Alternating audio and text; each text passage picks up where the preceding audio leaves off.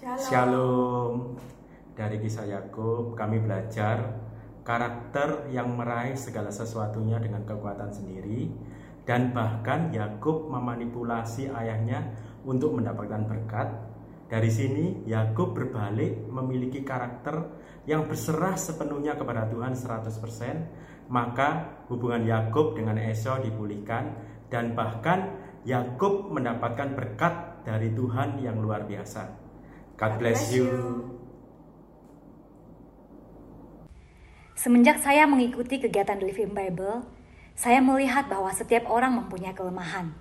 Tetapi ketika Tuhan hadir di dalam kehidupan mereka, semuanya dapat diubahkan menjadi karakter yang positif dan memberkati orang lain. Itu pun yang juga saya alami. Tadinya saya suka kepo-kepo hal yang gak jelas, diubahkan oleh Tuhan menjadi kepo untuk membawa jiwa-jiwa kepada Tuhan. Semangat terus mengikuti kegiatan Living Bible. God bless you. Shalom, perkenalkan kami dari JJ 168 Hari ini kami mau bersaksi apa yang kami pelajari dari The Living Bible. Kami belajar bahwa setiap karakter-karakter yang dipilih Tuhan itu nggak sempurna latar belakangnya, sifatnya, karakternya apa pun itu, tapi tetap Tuhan Yesus itu yang sempurna dan kasihnya selalu sempurna. Juga kami belajar banyak tentang kebenaran-kebenaran Firman Tuhan. Kami semakin hari semakin excited untuk mengenal Tuhan lebih lagi. Kami juga rindu untuk terus mengabdi-abdikan diri dan menjalankan uh, visi Tuhan lewat gereja kami. Kami juga mau terus untuk ikut setiap kegerakan gereja karena kami percaya kami mau melayani ini dengan urapan Tuhan, bukan dengan kekuatan kami sendiri. Terima kasih, Tuhan Yesus memberkati. We love you 5000. Shalom. Ya, kita sudah membaca Yakub sekarang The Living Bible akan membaca berikutnya karakter berikutnya adalah Yusuf. Kalau Yusuf ini adalah seseorang yang bekerja terhadap, kepada orang lain dengan excellent, orang yang pandai, orang yang berhasil padahal startnya dia bahkan dari budak. Tuhan itu memang ahli yang mengubahkan dari yang paling minus, yang paling hancur, dari yang paling tidak berharga menjadi seperti Yusuf menjadi orang yang nomor dua. Ayo kita pelajari bagaimana Tuhan bisa mengubahkan seperti from dari air menjadi anggur. Jadi sebentar lagi kita akan membaca Mulai dari tanggal 7 Oktober sampai dengan 20 Oktober kita akan menikmati series The Living Bible Ada Apa Dengan Yusuf.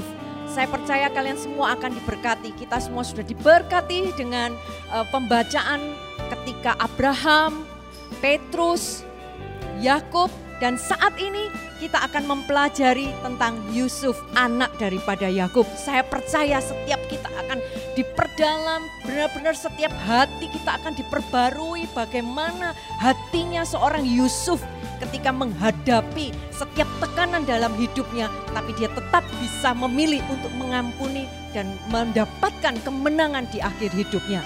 Jangan lewatkan untuk membaca dengan rutin, dengan series ada, ada apa, apa dengan Yusuf. God bless you.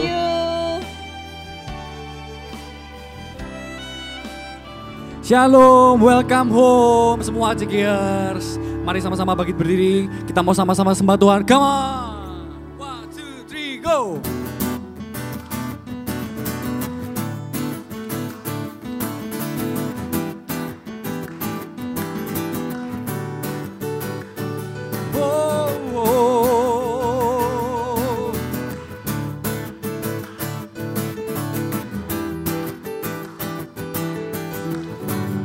Sama-sama katakan hanya kau, hanya kau Junanku, hidupku di tanganmu. Kau Tuhan sang pulihkan Ubahkan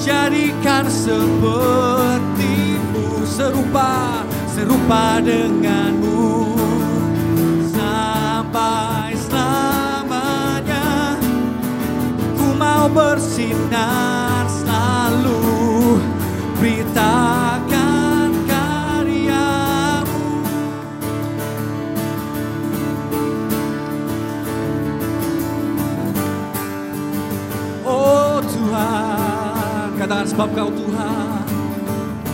Sebab kau Tuhan, angkat kedua tanganmu. Jalan kehidupan masa depan. Cerah membentang sebab kau Tuhan. Jalan kehidupan masa depan. Lebih tinggi lagi katakan. Sebab kau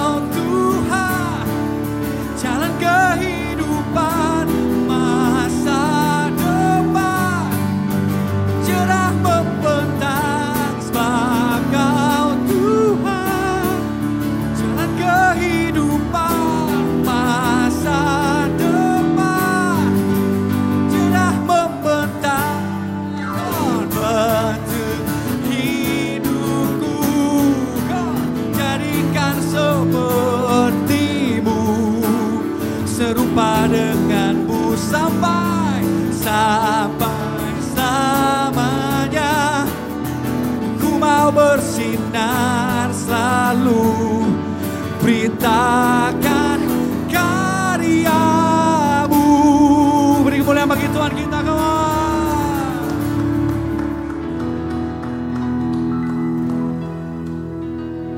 kita mau jadi seperti bintang di tengah kegelapan. Kita mau nyanyikan lagu ini come on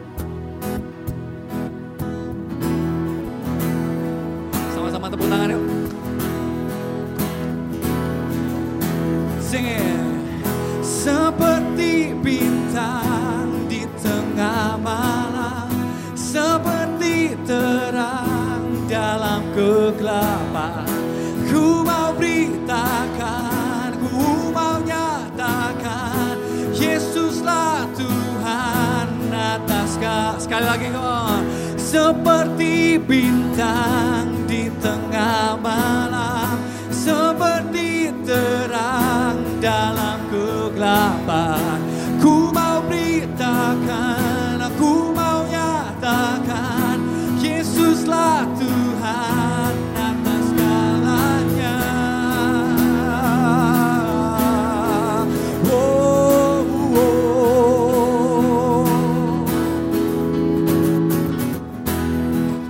Kemurahanmu padaku tak berubah Tak terhingga.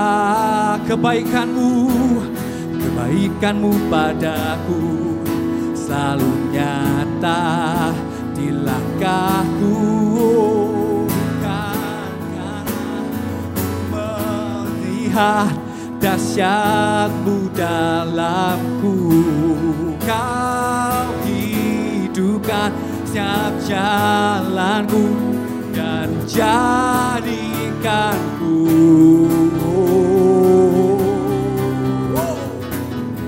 Seperti bintang di tengah malam seperti terang dalam kegelapan. Ku mau beritakan ku mau nyatakan Yesuslah Tuhan atas segalanya datang di tengah malam seperti terang dalam kegelapan. Ku mau beritakan, aku mau nyatakan, Yesuslah Tuhan atas segalanya. Kita mau nyanyikan refnya tanpa musik yuk. Come on. Seperti bintang, seperti bintang tengah malam, seperti terang dalam kegelapan. Ku mau beritakan, ku mau nyatakan, Yesuslah Tuhan atas segalanya. Seperti bintang di tengah malam, seperti terang dalam kegelapan. Ku mau beritakan, ku mau nyatakan, Yesuslah Tuhan atas segalanya. Oh, katakan atas segalanya, atas segalanya. Kami mau Tuhan kau, Yesus atas segalanya. Beri kemuliaan bagi Tuhan, go on. Haleluya.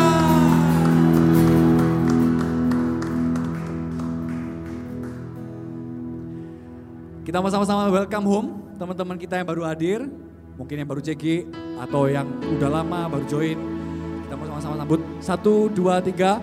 Welcome home. Kami menyambut kalian semuanya. Uh, selamat bergabung di CG Online. Kalian para CGers yang setia. Uh, mari sama-sama kita mau mengenal Tuhan lebih lagi, mau bertumbuh dalam Tuhan uh, bersama-sama dalam CG. Amin. Nah, sebentar kita mau dengerin satu kesaksian dari uh, Coach Frankie dan Servia. Uh, kita sama-sama dengerin. Check it out. Shalom, perkenalkan saya Frankie dan ini istri saya Servia. Kami melayani sebagai coach di GMS. Bersyukur pernikahan kami sudah kami jalani selama 13 tahun. Eh, Pada saat perjalanan 13 tahun ini, kami mengalami pada masa lima tahun awal pernikahan kami, kami sadar setelah melewatinya ini bahwa keluarga kami tidak di dalam Tuhan. Kami selalu cekcok di dalam segala sesuatu kalau kita sedang membahas apa pun, mulai dari keuangan, membahas tentang mau dibawa ke mana arahnya anak-anak ini, kami selalu cekcok, berbeda pendapat, tidak pernah sejalan.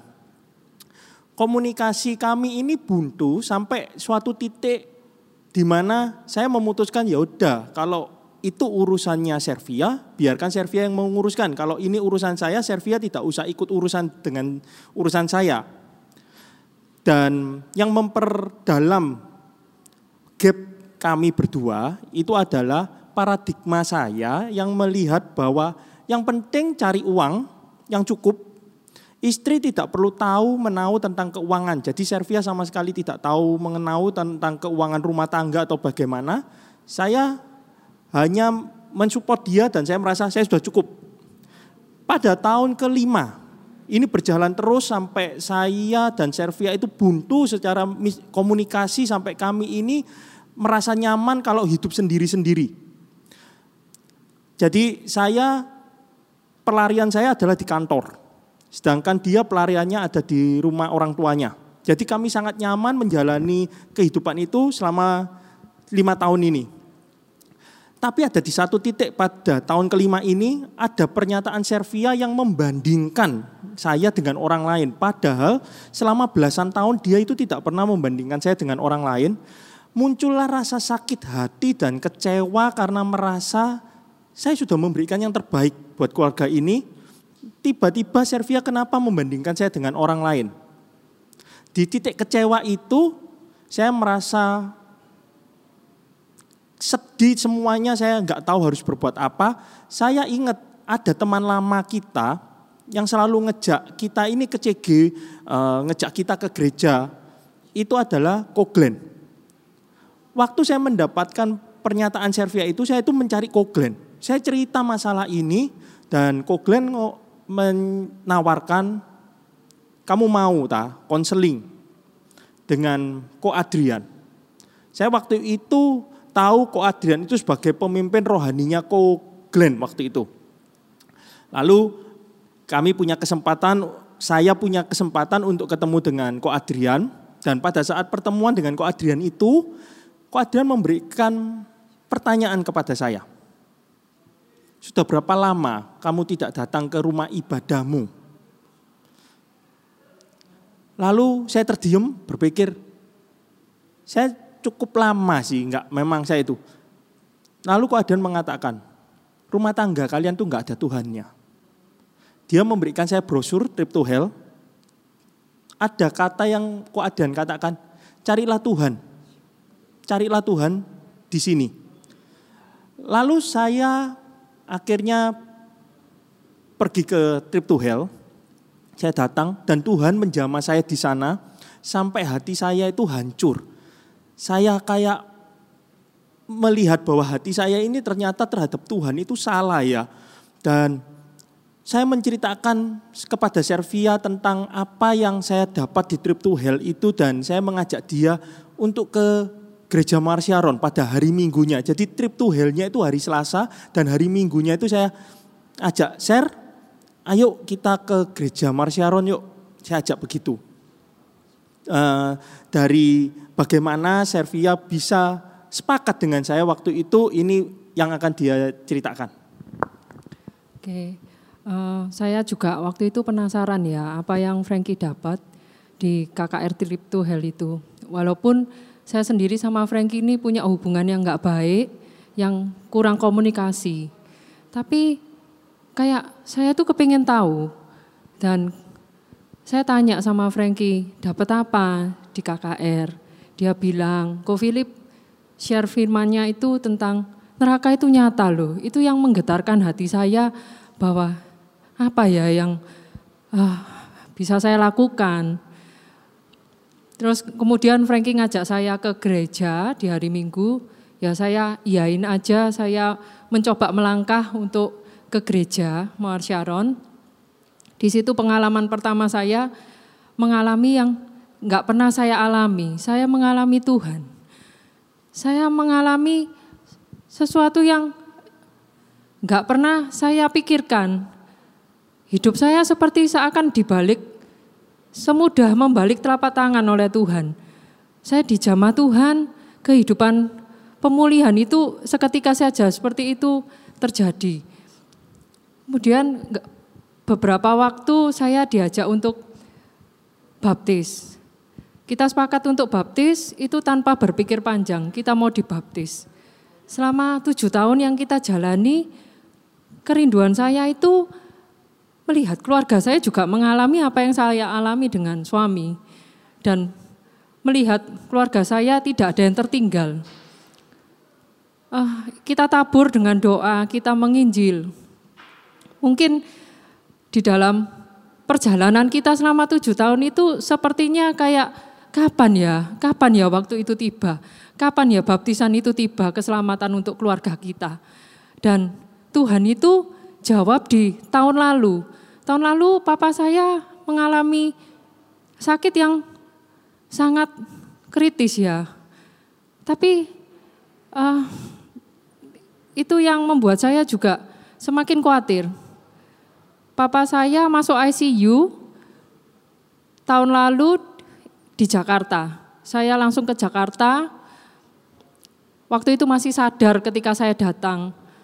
Saya tidak habis pikir saya langsung ngajak papa, ayo doa, pa, ayo doa terima Tuhan.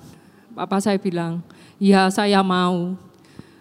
Kita berdoa bersama, papa mengakui Tuhan sebagai juru selamatnya, tapi papa belum mau dibaptis. Itu yang membuat saya bergejolak lagi. Tapi saya percaya ya itu suatu tanda dari Tuhan bahwa pasti papa itu dibaptis. Beberapa waktu itu, Kemudian kok Adrian itu telepon saya, menguatkan saya dan mau sepakat, ayo kita sepakat berdoa bersama-sama papamu tidak hanya menerima Tuhan Yesus tapi mau juga dibaptis. Itu itu yang membuat itu yang menguatkan saya juga ya. Saya percaya Tuhan pasti akan buka jalan. Dan di malam hari itu hari itu juga di malam hari, waktu jam besuk, sangat sangat gak apa-apa. Pada waktu jam besuk itu suasana di ICU itu sangat ketat. Kita nggak diizinkan dua orang masuk, kita diizinkan hanya satu orang, itu pun ngantri, dan itu pun harus keluarga. Ah, saya benar-benar gemetar waktu itu. Saya percaya Tuhan pasti buka jalan. Saya masuk, pada waktu itu juga ada pelayan GMS Jakarta yang ikut saya masuk, dan di detik-detik jam besoknya sudah mau berakhir, kita diberi Tuhan kesempatan untuk masuk bersama. Dan saya, saat itu saya langsung membaptis pada malam pada malam di hari itu uh, jam besoknya jam 5 sampai jam 7 ya. Dan di ICU itu sangat ketat, tidak mengizinkan dua orang untuk masuk di ruangan, hanya satu orang itu pun keluarga. Dan pada waktu itu ada pelayan GMS yang datang, yang mau ikut mendoakan. Saya juga khawatir apakah kita bisa berdua bisa masuk ke dalam ruangan. Tapi Tuhan buka jalan. Di detik saya mau masuk itu tiba-tiba kita bisa masuk berdua Langsung saya enggak habis pikir, "Pa, mau ya dibaptis?" Iya, Papa mau dibaptis, terima Tuhan. Dan Papa saya menerima baptisan dan Papa saya sadar waktu itu bersyukur Tuhan masih kasih saya kesempatan untuk melihat Papa saya diselamatkan. Benar-benar bersyukur. Tuhan baik, Tuhan baik. Dan saya mau mengajak setiap orang-orang yang saat ini punya orang tua yang lagi kritis, yang ada di ICU, mungkin belum belum menerima Tuhan Yesus sebagai juru selamat. Saya percaya nggak ada hal yang sia-sia, terus kita kerjakan keselamatan, terus kita injili mereka. Saya percaya Tuhan pasti tidak akan tinggal diam, Tuhan akan memberi kasih karunia-Nya. Terima kasih. Enggak sampai di keselamatan Papa, Waktu itu saya melihat bahwa apa yang dilalui Servia itu kayak membangkitkan iman saya bahwa keluar ada dari keluarga saya yang saya doakan selama tujuh tahun sama. Saya mau mengajak waktu itu ibadah hari Minggu saya sepakat dengan Ko Adrian berdoa. Saya rindu keluarga saya juga ada yang diselamatkan. Pada saat awal kebaktian kita doa sepakat dan pada akhir ibadah itu kakak saya, saya altar call untuk baptisan. Ternyata akhir kakak saya mau dibaptis. Dari sharing kami berdua, jika keluarga Anda sedang mengalami masalah, seperti yang kami lalui, percekcokan, tidak pernah ada kata sepakat, tidak pernah ada sejalan, apalagi sevisi, undang hadirat Tuhan di tengah-tengah keluarga kita dan kita percaya bahwa hanya hadirat Tuhan yang bisa mengubahkan kehidupan kita. Hanya kita mau keluarga kita membuka hatinya untuk Tuhan. Dan dari perjalanan kami melihat keselamatan keluarga kami, tidak ada taburan yang sia-sia. Taburan itu selalu akan menghasilkan hasilnya pada waktunya dan yang terakhir yaitu kita sepakat dengan pemimpin kita di dalam berdoa atau apa pun kita memiliki kesepakatan dengan pemimpin. Terima kasih. Ini adalah kesaksian kami berdua. Tuhan Yesus memberkati.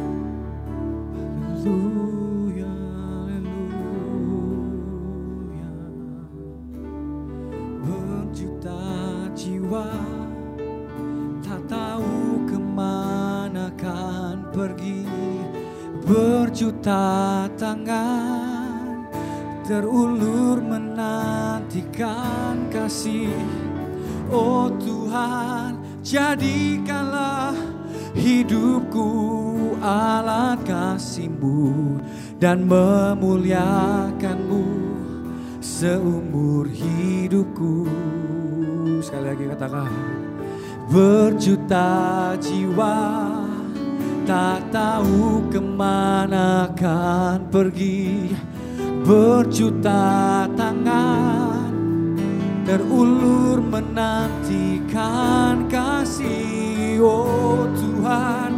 Jadikanlah hidupku alat kasih-Mu dan memuliakanmu seumur hidupku. Katakan sama-sama melayani melayani mengasihi. Ku ingin lebih lagi melayani mengasihi. Ku ingin lebih lagi melayani mengasihi. Ku ingin melayani dan mengasihimu. Melayani oh melayani mengasihi. Ku ingin lebih lagi amin Tuhan. Melayani mengasihi. Ku ingin lebih lagi melayani mengasihi. Ku ingin lebih melayani dan mengasihimu. Kami mau Tuhan. Sama-sama katakan berjuta jiwa tak tahu ke mana akan pergi. Berjuta tangan terulur menantikan kasih. Oh Tuhan jadikanlah hidupku alat kasih-Mu dan memuliakanmu. Seumur hidupku berjuta jiwa berjuta jiwa. Tak tahu ke mana akan pergi berjuta terulur menantikan kasih. Oh Tuhan jadikanlah hidupku alat kasih-Mu dan memuliakanmu seumur hidupku. Katakan melayani melayani mengasihi. Ku ingin lebih lagi melayani mengasihi ku ingin lebih lagi melayani mengasihi ku ingin lebih lagi melayani dan mengasihimu sembah dia oh, oh Tuhan jadikan kami alatmu kepanjang tanganmu membagikan kasih Tuhan. Memancarkan pribadi pribadimu yang indah Tuhan. Oh, Kiarala, mayarala, mayarala, mayarala,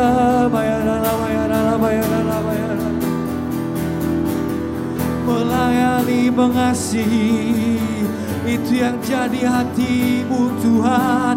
Kami mau taat kami mau taat.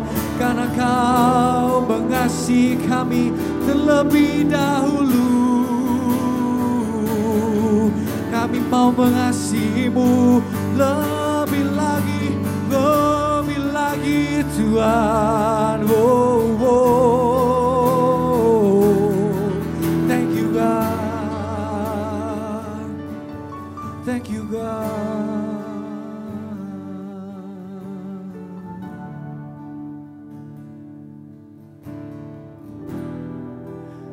Siapa kami ini Tuhan? Kau jadikan kami biji matamu. Kasihmu terlebih besar. Yang kami terima tak layak Tak layak kami terima Tuhan Sebab itu kami mau bagikan Secara cuma-cuma Tuhan. Sebab kau berikan untuk kami secara cuma-cuma Yesus. Pengorbananmu, pengorbananmu. Tak ternilai, tak ternilai Tuhan. Kami tahu hatimu menangis Untuk jiwa-jiwa yang terhilang Untuk jiwa-jiwa yang membutuhkan Tuhan. Wow,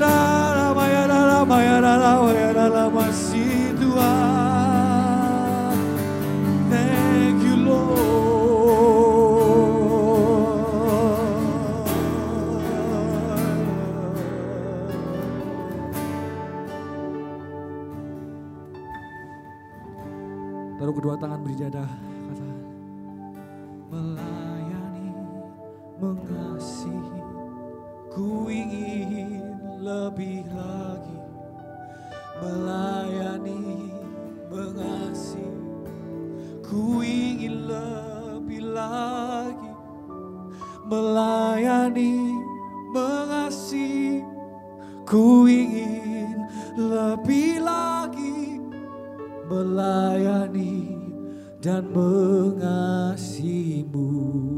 Katakan lebih sungguh, katakan Oh melayani, mengasihi, ku ingin lebih lagi melayani, mengasihi, ku ingin lebih lagi. Kamu melayani, mengasihi, ku ingin lebih mengasihimu, melayani dan mengasihimu. Setiap jiwa datanglah melayani dan mengasihimu. Hati kami katakan dari hati kami melayani dan mengasihimu.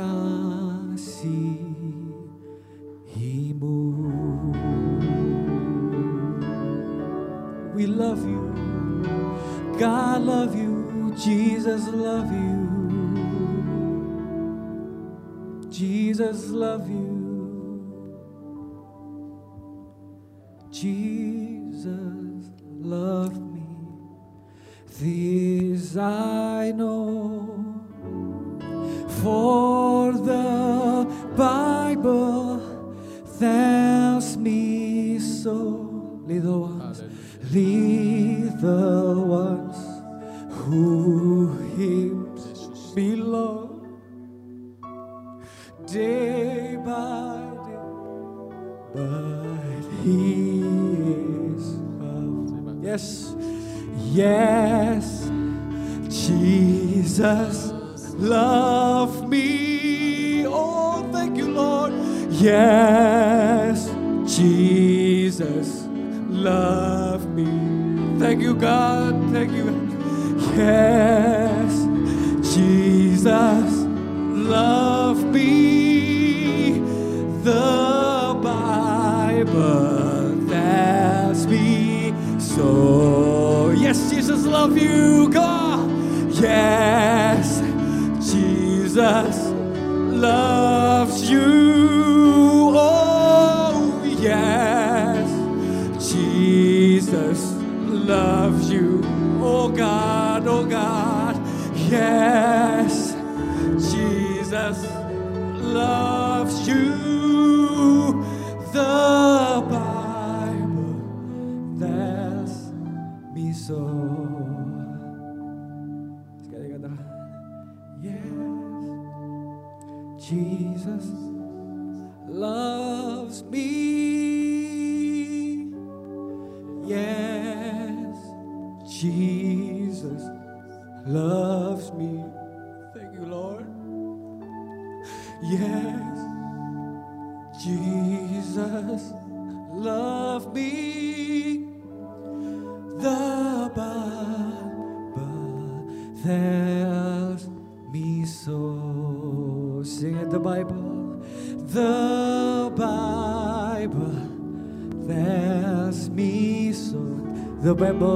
tells you so. The Bible tells you so.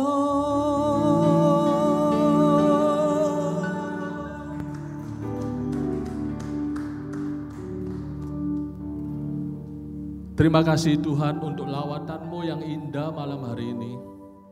Terima kasih atas urapanmu Tuhan. Biarlah lawatan dan urapanmu ini terus mengalir sampai kepada setiap sikir di mana pun mereka berada. Mereka pun mengalami lawatan, mereka pun mengalami urapan yang sama dengan kami di tempat ini. Terima kasih atas malam hari ini Tuhan. Sebentar lagi kami akan belajar dari firman-Mu. Biarlah urapan-Mu terus mengalir kepada kami yang menyampaikan firman-Mu maupun kepada setiap yang mendengar Tuhan. Kau jama setiap kami yang mendengar supaya kami bisa menangkap apa yang menjadi isi dari isi dari hati Tuhan. Dan kami bisa mengerti dan kami bisa taruh di dalam hati kami. Roh Kudus beracaralah lebih lagi sampai akhir dari acara ini. Biarlah semua dalam kendalimu Roh Kudus. Di dalam nama Tuhan Yesus Kristus. Haleluya. Amin. Silakan duduk. Shalom, Seger di mana pun Anda berada. Hari-hari ini kita sedang belajar uh, The Living Bible. Kita belajar untuk membaca Alkitab. Dimulai dari kisah dari Abraham, kisah dari Petrus, dan kisah dari Yakub. Malam hari ini kita mau belajar kisah dari seorang Petrus, bagaimana Petrus mengikut Tuhan Yesus dan diubahkan dari seorang penjala ikan menjadi seorang penjala manusia. Gambaran kehidupan Petrus selama mengikut Tuhan Yesus itu mencerminkan seperti gambaran kita sebagai orang Kristen, kita sebagai pengikut Kristus. Kita belajar tiga hal dari Petrus. Yang pertama, selama Petrus mengikut Tuhan Yesus, Petrus mendengarkan semua pengajaran-pengajaran Tuhan Yesus. Bukankah itu juga gambaran dari kehidupan kita sebagai orang Kristen, sebagai pengikut Kristus?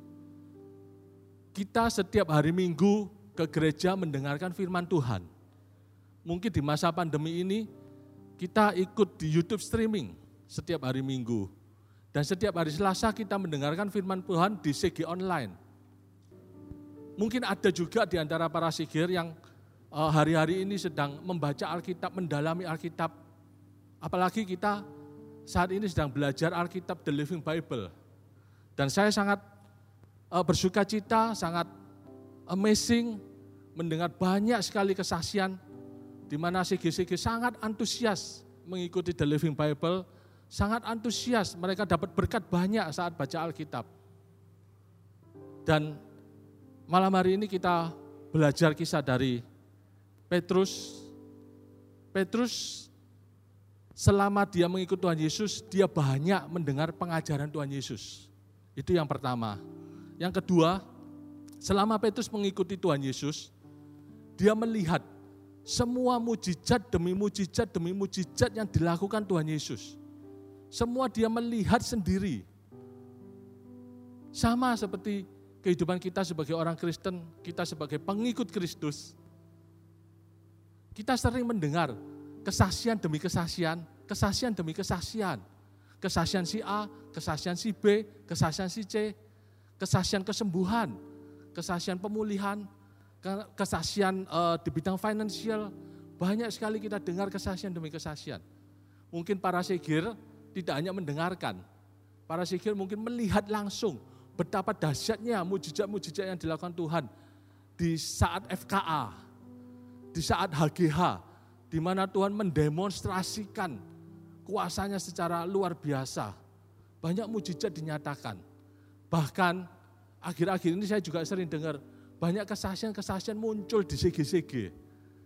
Di CGCG mulai banyak terjadi mujizat demi mujizat mulai banyak terjadi kesaksian-kesaksian di mana-mana. Saya teringat dengan apa yang dikatakan Pastor Philip uh, beberapa tahun yang lalu. Saat itu FKA mungkin uh, belum mencapai FKA 10, masih FKA awal-awal. Pastor Philip pernah mengatakan bahwa suatu saat nanti orang akan mencari mujizat Tuhan itu tidak lagi berbondong-bondong datang ke suatu kerumunan seperti di FKA tapi orang akan mengalami mujizat Tuhan itu saat ada di CG-CG. Dan saya ingat betul pesan Pastor Philip sampai saat ini dan saya melihat momennya itu saat ini, sekarang ini, benar-benar momen apa yang dikatakan Pastor Philip itu terjadi di CG-CG. Banyak mujizat demi mujizat terjadi di CG-CG. Dan itu sangat luar biasa. Pengalaman Petrus mengikut Tuhan Yesus yang ketiga. Petrus tidak hanya mendengar semua pengajaran-pengajaran Tuhan Yesus, tapi Petrus juga tidak hanya melihat mujizat-mujizat Tuhan Yesus. Petrus bahkan mengalami sendiri mujizat-mujizat Tuhan Yesus. Banyak mujizat yang dialami oleh Petrus.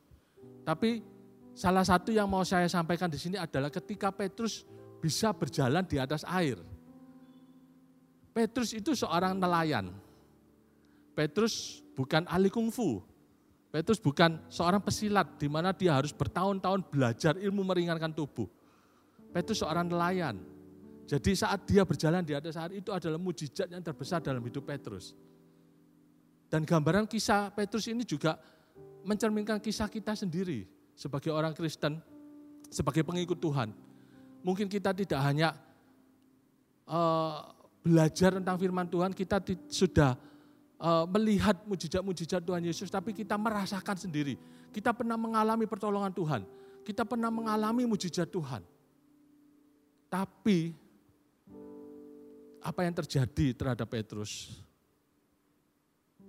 Saat Petrus ada di dalam tekanan yang besar, saat Petrus ada di dalam tekanan yang luar biasa dalam hidupnya, Petrus akhirnya menyangkal Tuhan Yesus.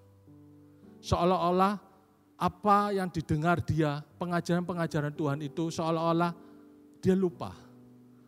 Mujizat demi mujizat yang dia lihat, yang dia rasakan sendiri seolah-olah tidak ada artinya. Seolah-olah uh, Tuhan Yesus kalah dengan masalahnya. Sekarang ini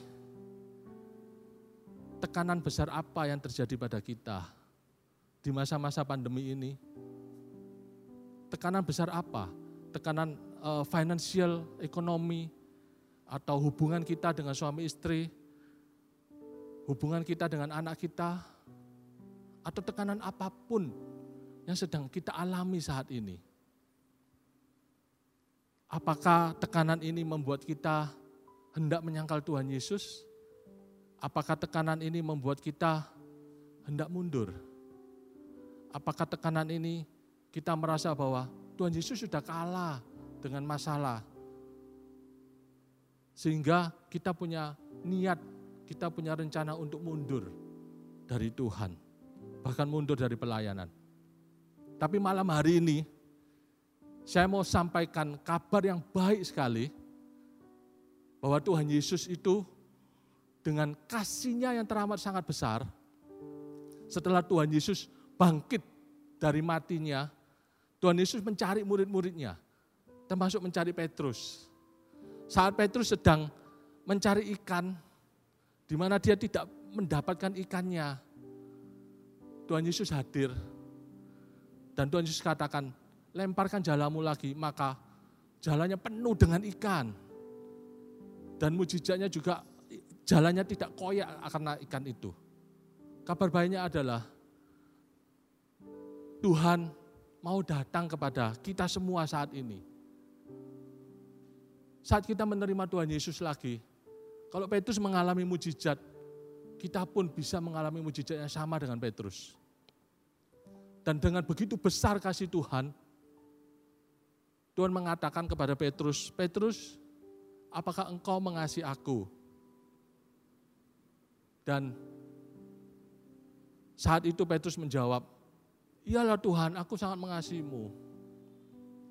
Mungkin kalau malam hari ini, Tuhannya Petrus, Tuhan kita semua tanya kepada kita, apakah engkau, apakah kita semua saat ini mengasihi Tuhan? Mungkin kita bisa jawab, iyalah Tuhan saya mengasihimu lah. Tapi Tuhan memberi kita kesempatan yang kedua. Tuhan bertanya lagi kepada kita, Petrus, apakah kamu mengasihi aku? Tuhan bertanya kepada kita, apakah kamu, kita semua mengasihi Tuhan? Kenapa Tuhan tanya yang kedua kalinya? Tuhan ingin kita menjawab ini dengan melihat posisi hati kita. Melihat kondisi kita saat ini. Apakah apa yang kita katakan dengan mengasihi Tuhan itu sesuai dengan hati kita? Apakah yang kita katakan mengasihi Tuhan itu sudah sesuai dengan apa tindakan kita saat ini.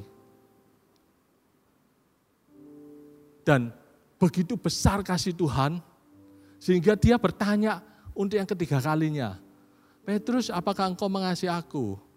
Dan malam hari ini dengan begitu besar kasih Tuhan, Tuhan mau bertanya untuk yang ketiga kalinya, apakah kalian, apakah kita semua mengasihi Tuhan? Dan Tuhan ingin yang ketiga ini adalah suatu jawaban yang jujur dari hati kita. Jawaban yang jujur bahwa benar Tuhan, saya mengasihimu dengan sungguh-sungguh. Sama seperti jawaban Petrus. Petrus mengatakan, engkau tahu isi hatiku Tuhan. Biarlah kita di kesempatan yang ketiga ini kita bisa menjawab dengan Tuhan. Tuhan, Engkau tahu isi hatiku. Aku sungguh mengasihimu dengan hati yang benar-benar mengasihi Tuhan, dengan tindakan yang benar-benar mengasihi Tuhan. Saya mau bersaksi, saya pernah mengalami sama seperti Petrus, beberapa tahun yang lalu waktu saya masih menjadi CGL, saya merasa bahwa saya sudah mendengar semua pengajaran Tuhan. Saya sudah melihat semua mujizat-mujizat Tuhan. Saya sudah mendalami Alkitab, karena memang saya suka mendalami Alkitab, tapi secara ilmu, bukan secara urapan. Bahkan saya sempat merasa bahwa uh, saya bisa menyampaikan firman Tuhan di CG itu tanpa persiapan. Satu jam sebelum CG saya tinggal ambil satu perikop, saya bahas satu perikop, selesai. Tapi itu cuma ilmu, tidak ada urapan yang mengalir. Dan saat saya ada dalam tekanan yang besar, tekanan yang kuat sekali, tekanan dalam kehidupan saya, tekanan dalam CG saya, saya seperti Petrus. Saya mulai bosan, saya mulai jenuh. Saya mulai, ngapain ya Tuhan saya melayani? Tahu ujung-ujungnya saya dalam tekanan yang begini besar. Saya mulai mau menyangkal Tuhan. Saya mulai ada rencana untuk mundur menjadi CGL. Tapi dengan kasih Tuhan yang begitu besar, sehingga Tuhan itu memberi penglihatan-penglihatan kepada seorang teman saya yang juga hamba Tuhan, dia diberi penglihatan tentang saya terus. Dan pada akhirnya dia datang menemui saya, dia menyampaikan pesan Tuhan, Guntur apakah kamu mengasihi aku, mengasihi Tuhan. Ini pesan Tuhan untuk kamu. Awalnya saya seperti Petrus. Saya berkata, Loh kalau saya tidak mengasihi Tuhan, mana mungkin saya ini berdoa setiap hari. Mana mungkin saya baca Alkitab terus, mana mungkin saya pergi ke gereja, dan mana mungkin saya melayani Tuhan. Waktu itu saya melayani Tuhan di banyak bidang di gereja. Sampai-sampai teman saya ada yang bilang, Guntur kamu kok maha hadir ya? Ada di mana-mana katanya. Tapi semua itu hanya sekedar pelayanan. Sampai teman saya tanya yang kedua kalinya, Tuhan tetap mau tanya, apakah kamu mengasihi Tuhan? Saat itu saya langsung teringat dengan kisah Petrus dan saya bertobat. Dalam beberapa hari itu saya merenungkan terus.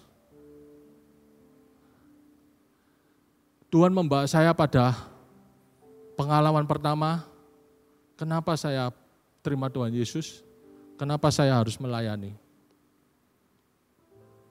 Mungkin ada di antara kita Mungkin ada di antara para pemimpin, para CGL, para sponsor yang saat ini sedang jenuh, sedang mengalami banyak tekanan dalam hidup, dalam pelayanannya, dan merasa bosan, dan mungkin punya rencana untuk mundur. Atau para sigir, para member yang sama saat ini mengalami tekanan yang besar, dan punya rencana untuk jauh dari Tuhan. Saya katakan malam hari ini, ada kabar baik. Tuhan ingin menjumpai kita semua. Saat Petrus dijumpai oleh Tuhan, dan dia ditanya, dan terakhir Tuhan katakan, gembalakanlah domba-dombaku. Petrus dibawa seolah-olah teringat kembali.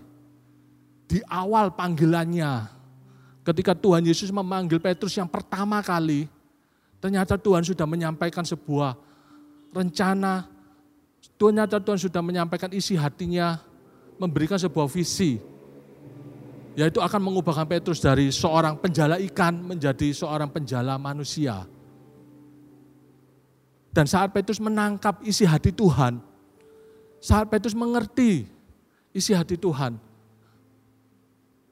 saat Petrus tidak hanya memandang Tuhan dari segi pendalaman Alkitab pengajarannya saja, saat Petrus tidak lagi memandang Tuhan hanya dari mujizat demi mujizatnya saja, dia tidak hanya mengejar uh, pendalaman Alkitab, dia tidak hanya mengejar uh, perkara-perkara ajaibnya Tuhan, mujizatnya Tuhan, tapi Petrus mulai menangkap isi hati Tuhan.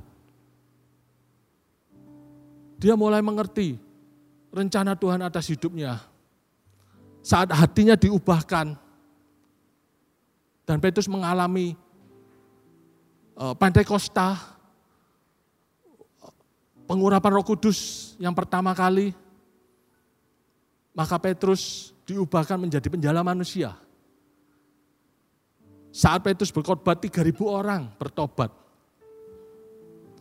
Ternyata perjumpaan Petrus yang kedua dengan Tuhan saat dia mengerti isi hati Tuhan, tidak hanya Petrus saja yang dipulihkan, yang diberkati. Tapi Petrus bisa memulihkan, memberkati banyak orang. Sapu tangannya menyembuhkan orang, bayangannya menyembuhkan orang. Saya percaya kita pun bisa dipakai sama seperti Petrus. kita pun bisa menjadi penjala manusia. Kita para pemimpin, mungkin kita para CGL, para sponsor, engkau dipanggil untuk mengembalakan domba-dombanya. Para member, kita semua, para pengikut Kristus orang Kristen, dipanggil untuk menjadi penjala manusia. Apa artinya?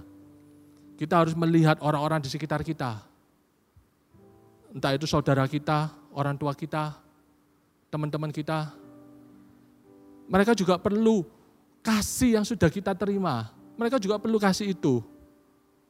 Mereka juga perlu keselamatan yang keselamatan yang sudah kita terima. Mereka juga perlu pemulihan di mana kita juga menerima pemulihan. Mereka juga perlu berkat di mana mereka mendapatkan berkat itu. Mari kita semua malam hari ini kita merenungkan kembali apa sih sebenarnya panggilan awal Tuhan terhadap kita. Kenapa sih saya harus terima Tuhan Yesus? Kenapa sih saya harus menjadi sponsor? Kenapa sih saya harus menjadi CGL? Kalau yang belum mendapat itu bagi yang tidak tidak tahu, malam hari ini kesempatan kita merenungkan. Iya ya, kenapa ya saya dipanggil Tuhan? Kenapa saya harus terima Tuhan Yesus? Karena ada orang-orang di sekitar kita yang perlu juga menerima kabar baik tentang Tuhan Yesus.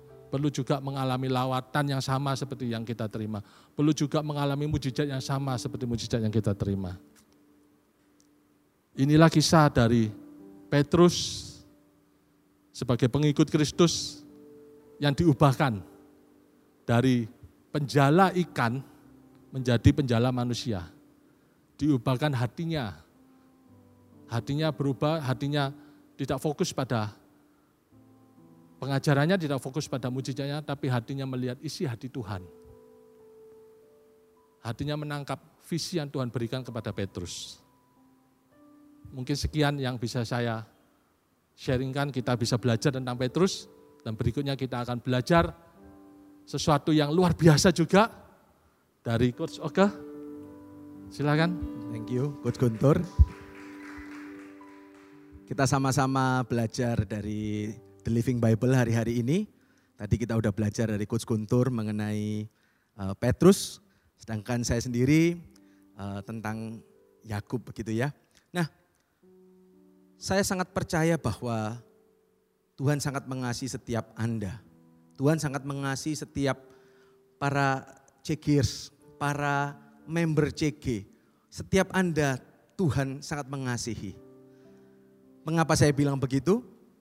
Salah satunya di tadi pada saat kita praise and worship di lagu terakhir sebelum Coach Guntur tadi membawakan firman tadi tentang lagu yang melayani mengasihi lebih lagi. Di situ saya benar-benar Tuhan Roh Kudus benar-benar menjamah saya dan saya bisa merasakan begitu Tuhan tuh mengasihi setiap Anda. Begitu Tuhan tuh sangat mengasihi setiap jiwa-jiwa yang yang begitu dikasih sama Tuhan. Saya bisa merasakan mengapa kok Ko Adrian dan Celeli sampai hari ini benar-benar bisa melakukan apa yang menjadi isi hati Tuhan. Melayani setiap kita, melayani setiap cegirs, melayani setiap Anda. Saya dan Anda semua. Karena begitu, karena mereka menangkap isi hati Tuhan yang mengasihi setiap Anda, yang mengasihi setiap kita. Dan saya pun sendiri mengalami sebuah pengalaman pribadi di dalam saya merenungkan tentang Yakub ini, di mana suatu malam di saat saya merenungkan beberapa hari yang lalu, dua hari yang lalu malam itu saya diberi mimpi sama Tuhan. Saya jarang sekali uh, diberi mimpi sama Tuhan, karena itu saya tahu kok kenapa Tuhan itu mengasihi setiap Anda, karena saya diberi mimpi sama Tuhan. Saya diingatkan tentang adat janji Tuhan kepada Yakub saya di sana saya diingatkan sama Tuhan. Kayak mimpi itu saya itu diulang berkali-kali. Mungkin supaya Tuhan itu ingatkan supaya saya itu tidak lupa. Diingatkan berkali-kali di mimpi yang sama bahwa janji Tuhan kepada Yakub itu sama dengan janji Tuhan kepada Ishak dan janji Tuhan kepada Abraham. Seperti Tuhan tuh ingatkan saya, oh janji. Saya itu sebelumnya saya nggak pernah kepikiran itu, kita sama-sama kita membaca Ishak kan, kemudian saya membaca, kita membaca Petrus dan kita kemudian kita membaca, saya lanjutkan saya membaca Ishak kemudian ke ke Yakub gitu ya, kan bersambung seperti itu. Dan saya nggak ada kepikiran sama sekali sebelumnya, tapi di mimpi itu saya Tuhan ingatkan, oh ke janjiku kepada Yakub itu sama dengan janjiku kepada Ishak dan janjiku kepada Abraham. Dan malam hari ini saya percaya ada pesan Tuhan untuk setiap kita lewat dari kehidupan dari janji-janji Tuhan di Abraham, Ishak dan Yakub ini. Yuk kita sama-sama buka. Yang pertama tentang janji Tuhan kepada Abraham di Kejadian 22 ayat 16 sampai 18. Katanya, kata Tuhan, Aku bersumpah demi diriku sendiri, demikianlah firman Tuhan, karena engkau telah berbuat demikian, dan engkau tidak segan-segan untuk menyerahkan anakmu yang tunggal kepadaku, maka aku akan memberkati engkau berlimpah-limpah dan membuat keturunanmu sangat banyak seperti bintang di langit dan seperti pasir di tepi laut dan keturunanmu itu semua akan menduduki kota-kota musuhnya. Oleh keturunanmu lah semua bangsa di bumi akan mendapat berkat karena engkau mendengarkan firmanku. Di situ kita balik ke ayat yang 16 karena engkau telah berbuat demikian dan engkau tidak segan-segan untuk menyerahkan anakmu yang tunggal kepadaku, maka garis bawahi kata-kata maka aku akan memberkati engkau berlimpah-limpah. Jadi jadi ada janji Tuhan kepada kehidupan Abraham. Ini adalah kejadian di mana setelah Abraham ini diuji sama Tuhan. Di mana dia harus menyerahkan anaknya yang tunggal. Itu adalah ujian Tuhan kepada Abraham dan di situ kemudian Tuhan berjanji kepada Abraham. Dan di sini kita pelajari yang pertama adalah Tuhan tuh mau kita tuh menyerahkan Ishak kita. Ishak itu berbicara apa?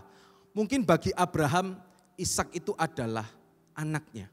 Mungkin bagi beberapa orang dari kita Ishak kita itu adalah anak kita. Mungkin itu yang menghalangi kita untuk mau lebih lagi di dalam mencintai Tuhan, di dalam melayani Tuhan. Mungkin tadi kalau Coach Guntur bilang tentang Petrus, mungkin bagi Petrus itu adalah pekerjaannya.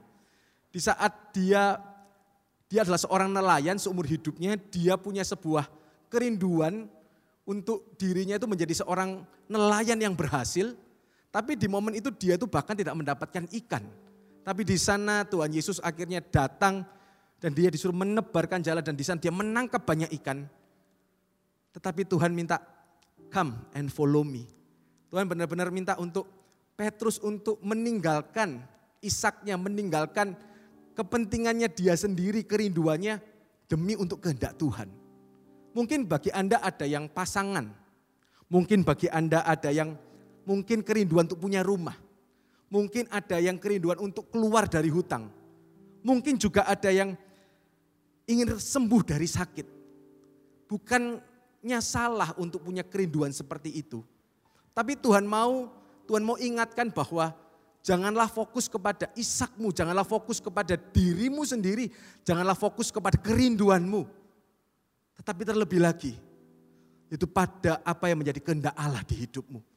Tuhan mau setiap kita untuk kita tuh lebih lagi untuk tidak mementingkan diri kita sendiri, tapi hari-hari ini Tuhan mau untuk kita lebih mementingkan apa yang menjadi kehendak Tuhan dalam kehidupan kita. Percayalah, apa yang terjadi di Abraham, apa yang terjadi di Petrus, bahwa di saat Abraham menyerahkan Ishaknya, bukankah Tuhan mengembalikannya kepadanya. Di saat kita mengembalikan apa yang menjadi fokus kita kepada Tuhan, pada menjadi kehendaknya, pastilah Tuhan akan memelihara setiap kita. Yang kedua kita juga, mari kita sama-sama belajar dengan kehidupan dari Ishak gitu ya. Kita belajar dari apa yang janji Tuhan kepada Ishak. Kita buka kejadian 26. Kejadian 26 ayat kedua sampai 5. Lalu Tuhan menampakkan diri kepadanya serta berfirman, Janganlah pergi ke Mesir, diamlah di negeri yang kukatakan kepadamu. Tinggallah di negeri ini sebagai orang asing maka aku akan menyertai engkau dan memberkati engkau. Sebab kepadamulah dan kepada keturunanmu akan kuberikan seluruh negeri ini.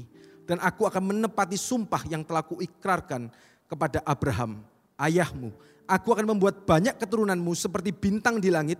Aku akan memberikan kepada keturunanmu seluruh negeri ini. Dan oleh keturunanmu semua bangsa di bumi akan mendapat berkat. Karena Abraham telah mendengarkan firmanku dan memelihara kewajibannya kepadaku, yaitu segala perintah ketetapan dan hukumku. Di sini kembali lagi Tuhan berfirman tentang janjinya kepada Ishak kali ini. Dan di situ dikatakan di ayat yang kedua, dikatakan janganlah pergi ke Mesir, diamlah di negeri yang kukatakan kepadamu, tinggallah di negeri ini sebagai orang asing. Maka garis bawahi lagi, Tadi di saat di Abraham dan sekarang di Ishak ini, ini ada kata-kata kembali lagi kata-kata maka. Di saat Kalau di Abraham dikatakan pada saat dia mempersembahkan Ishak, maka janji Tuhan itu terjadi. Kalau di sini dikatakan tinggallah di Mesir. Eh, sorry. Keluarlah eh, janganlah pergi ke Mesir. Tinggallah ke negeri yang aku tunjuk kepadamu. Dan di situ maka aku akan melakukan ini itu kepadamu. Di sini yang kedua Tuhan mau adalah kita itu untuk meninggalkan Mesir. Untuk kita tuh diingatkan kembali oleh Tuhan, Ishak diingatkan kembali oleh Tuhan tentang kesalahan dari Abraham. Di mana pada saat kelaparan terjadi di zamannya Abraham, Ishak eh, Abraham ini ke Mesir. Di sana kalau kalian masih ingat, setiap Anda ingat, di sana pertama kalinya Abraham ini mengakui Sarah sebagai adiknya. Akhirnya Firaun kena tulah seperti itu. Dan akhirnya kembali Abraham itu dikeluarkan dari Mesir dan kembali di antara Betel dan Ai di mana itu tempat sebelum dia berangkat ke Mesir. Kembali ke titik nolnya dia. Di sini Tuhan ingin mengingatkan bahwa untuk kita itu tidak mengandalkan pikiran kita sendiri. Untuk kita itu benar-benar mengandalkan Tuhan, bukan mengandalkan manusia. Kalau tadi Coach Guntur katakan di momen-momen ini banyak terjadi mungkin kita menghadapi banyak masalah kita menghadapi mungkin kita tuh sudah melayani. Tapi kok janji Tuhan ini serasa jauh dari kehidupan kita. Kok malah kita tuh menghadapi banyak masalah. Sama seperti apa yang dihadapi oleh Abraham dan Sarah. Di saat menantikan janji Tuhan. Kok malah sepertinya sudah semakin tua dan mereka tidak punya anak. Lalu kemudian Sarah mengandalkan pikirannya sendiri. Mulai kecewa dengan Tuhan. Dan dia merasa Tuhan tidak mengindahkan dia untuk punya anak. Dia akhirnya meminta Abraham menghampiri Hagar dan Ismail. Dan di saat dia melakukan itu mengandalkan pikirannya sendiri, akhirnya banyak sekali akibatnya terjadi. Sama juga dengan Petrus. Petrus pun punya pemikiran yang sendiri. Di Matius 16 dikatakan, pada saat itu tentang penderitaan Tuhan Yesus. Kita sendiri juga sama-sama membaca sebelumnya. Tuhan Yesus ini ngomong sama Petrus bahwa Tuhan ini akan ke Yerusalem dan di sana dia akan disiksa oleh para panatua-panatua. Dan kemudian dia akan disalib. Tetapi Petrus punya pemikirannya sendiri, dia menarik Tuhan dan dia berkata, kiranya hal itu dijauhkannya daripadamu. Tetapi Tuhan menghardik apa yang menjadi pikiran yang salah terhadap Petrus. Janganlah kita mengandalkan pikiran kita sendiri. Karena akhirnya setiap Petrus mengandalkan pikirannya sendiri, dia merasa bahwa Mesias, Raja itu, itu yang akan membebaskan setiap mereka dari penjajah Romawi. Pada saat dia melihat Tuhan Yesus disalib, dia melihat rajanya yang dia pikirnya dia akan membebaskan dia, ternyata disalib. Itu membuyarkan setiap pikirannya, dia menjadi kecewa. Sama seperti Sarah yang kecewa, Petrus juga kecewa dan akhirnya dia menyangkal Tuhan tiga kali. Karena itu Tuhan mengatakan jangan andalkan pikiranmu sendiri. Jangan pernah kecewa dengan Tuhan. Karena kalau kita mengandalkan pikiran sendiri, kita kemungkinan besar kita bisa kecewa dengan Tuhan. Mungkin ada di antara Anda yang akhirnya seperti Petrus. Mungkin akhirnya Anda kecewa karena janji-janji Tuhan tidak hadir dalam kehidupan Anda. Mungkin di masa-masa tekanan yang begitu besar ini. Akhirnya malah Anda kembali fokus kepada masa lalu Anda. Mungkin kepada dosa-dosa lama Anda. Mungkin pada fokus yang sebelumnya yang Anda lakukan. Mungkin kembali kepada pekerjaan Anda. Kembali pada fokusnya, kembali kepada apa yang keinginan diri kita sendiri, kebutuhan kita sendiri. Mungkin doa-doa kita yang dulunya doa kita buat untuk orang lain. Mungkin saat-saat ini doa kita fokusnya ke doa kita, ke diri kita sendiri. Mungkin dulunya kita saat teduh untuk orang lain. Mungkin saat ini kita saat ini datang untuk saat teduh. Ataupun datang ke CG. Ataupun datang ke ibadah. Untuk diri kita sendiri. Kita kembali kita fokusnya ke diri kita. Tuhan rindu. Seperti Petrus yang kembali. Akhirnya dia setelah menyangkal Tuhan dia kembali kepada nelayan. Dia kembali menjadi nelayan dan di situ Tuhan datang dan memanggil dia dan Petrus kembali. Tuhan rindu untuk setiap kita kembali. Tuhan rindu untuk setiap kita yang kecewa malam ini juga. Untuk kita kembali kepada Tuhan, untuk kita tidak kecewa. Untuk kita tidak fokus kepada pemikiran kita sendiri. Untuk kita tidak mengkotak-kotakkan Tuhan. Pikiran Tuhan terlebih besar daripada pemikiran kita. Percayalah, Tuhan sendiri yang akan menolongmu. Tuhan sendiri yang akan membuat setiap situasimu yang kelihatannya mungkin sama, tapi di saat hatimu berubah, situasimu sudah tidak sama lagi. Percayalah, pertolongan Tuhan akan segera datang untukmu. Dan ketiga, mari kita belajar tentang Yakub. Kita buka di kejadian 28 ayat 13 sampai 15.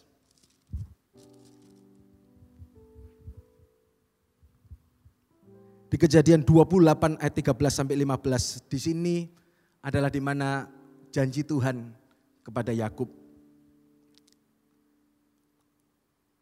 Berdirilah Tuhan di sampingnya dan berfirman, Akulah Tuhan, Allah Abraham nenekmu, dan Allah Ishak. Tanah tempat engkau berbaring di ini akan kuberikan kepadamu dan kepada keturunanmu. Keturunanmu akan menjadi seperti debu tanah banyaknya, dan engkau akan mengembang ke sebelah timur, barat, utara, dan selatan. Dan olehmu serta keturunanmu, semua kaum di muka bumi ini akan mendapat berkat.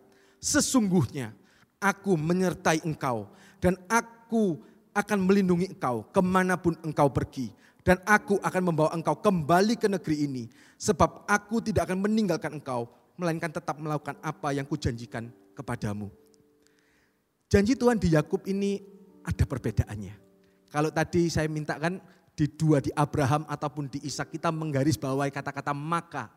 Kalau di dua itu kayak Tuhan itu setelah Abraham melakukan mempersembahkan Ishak maka janjinya dipenuhi.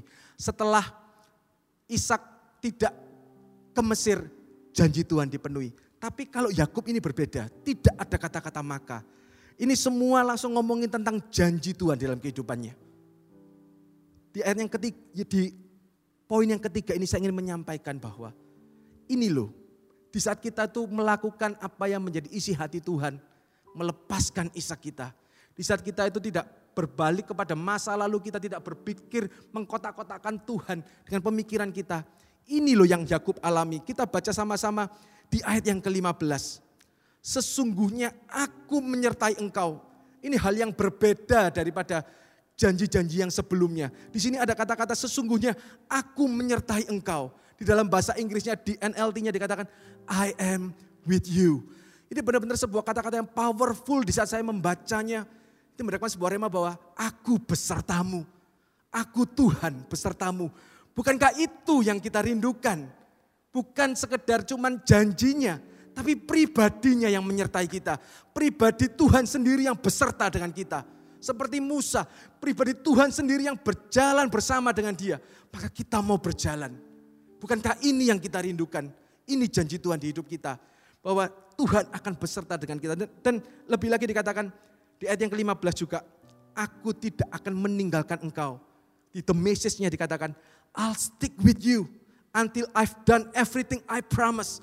I'll, I will stick with you. Aku tuh akan nempel sama kamu. Aku tuh akan tidak akan melepaskanmu. Bukankah ini janji Tuhan yang luar biasa buat kehidupan kita? Bahwa Tuhan tidak pernah melepaskan kita. Tuhan tuh akan selalu melekat dengan kita. Dia sendiri akan melekatkan dengan kita. Kalau kita melakukan apa yang menjadi isi hati Tuhan. Kita nggak fokus pada diri kita sendiri Tuhan sendiri akan melekatkan dirinya kepada kita sampai janji-janjinya dipenuhi dalam kehidupan kita. Dan bukankah ini yang juga yang dialami oleh Petrus? Bukankah I am with you ini, janji ini yang juga Petrus terima di dalam dari Tuhan Yesus. Kita sama-sama kita buka di dalam di saat Tuhan Yesus mau naik ke surga. Ini ada pesan-pesan terakhirnya kepada Petrus, kepada murid-muridnya. Dalam Matius pasal yang ke-28 ayat yang ke-18 sampai 20. Mari kita buka sama-sama.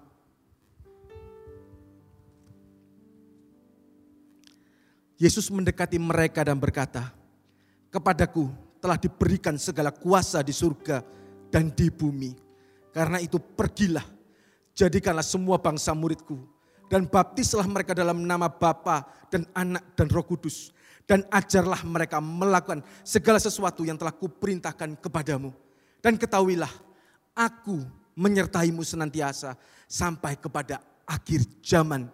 Dan ini kata-kata yang sama, I am with you. Ini kata-kata yang sama, janji Tuhan yang sama yang Tuhan berikan kepada Yakub, kepada Israel itu. Bahwa I am with you. Ini janji juga yang diterima oleh murid-murid Tuhan, oleh Petrus, bahwa Tuhan akan bersama dia. Dan bukankah akhirnya Petrus tadi di, di, sudah dijelaskan sama Coach Guntur. Di saat Petrus ini akhirnya dia diam dan dia menantikan roh kudus. Itu benar-benar Tuhan ada bersama-sama dengan dia. Tuhan tak pernah meninggalkan dia. Roh Kudus tidak pernah meninggalkan dia. Dan di situ ada kuasa yang luar biasa.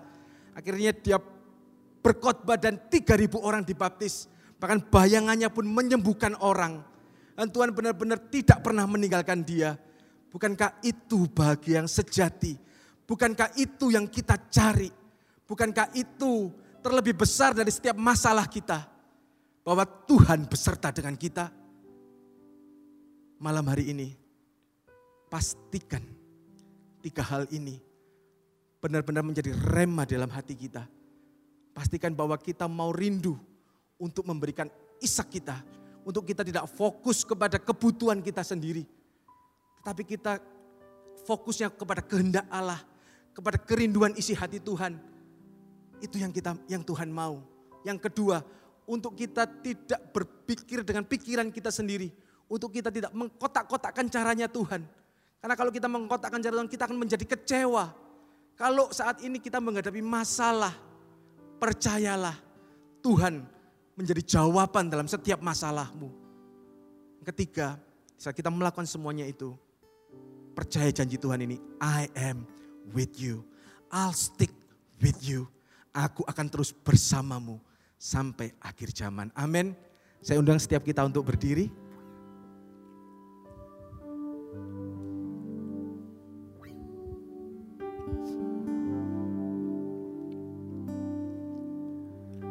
Mari kita sama-sama kita bawa hati kita kepada Tuhan.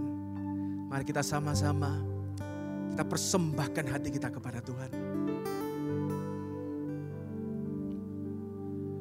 Haleluya.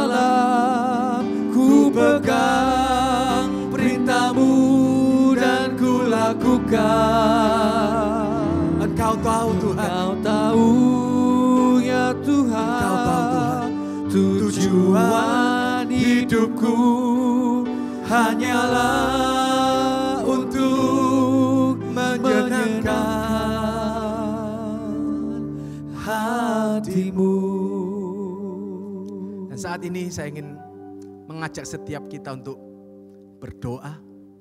Saya ingin mengajak untuk setiap Anda yang rindu. Anda tahu tadi firman dibagikan, Anda tahu bahwa ada isak-isak yang Tuhan mau Anda serahkan kepada Tuhan. Anda yang fokusnya kepada keinginan pribadi Anda saat-saat ini.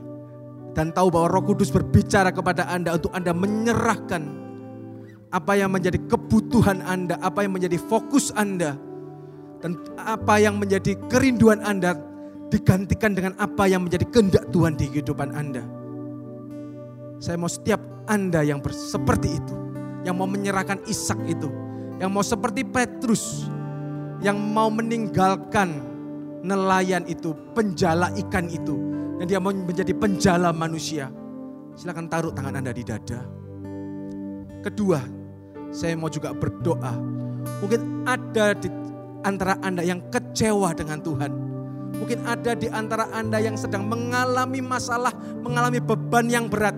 Entah itu sakit, entah itu apa pun hutang, ataupun Anda sedang mengalami kerinduan untuk rumah atau apa pun yang Anda rindukan. Anda punya masalah yang begitu besar.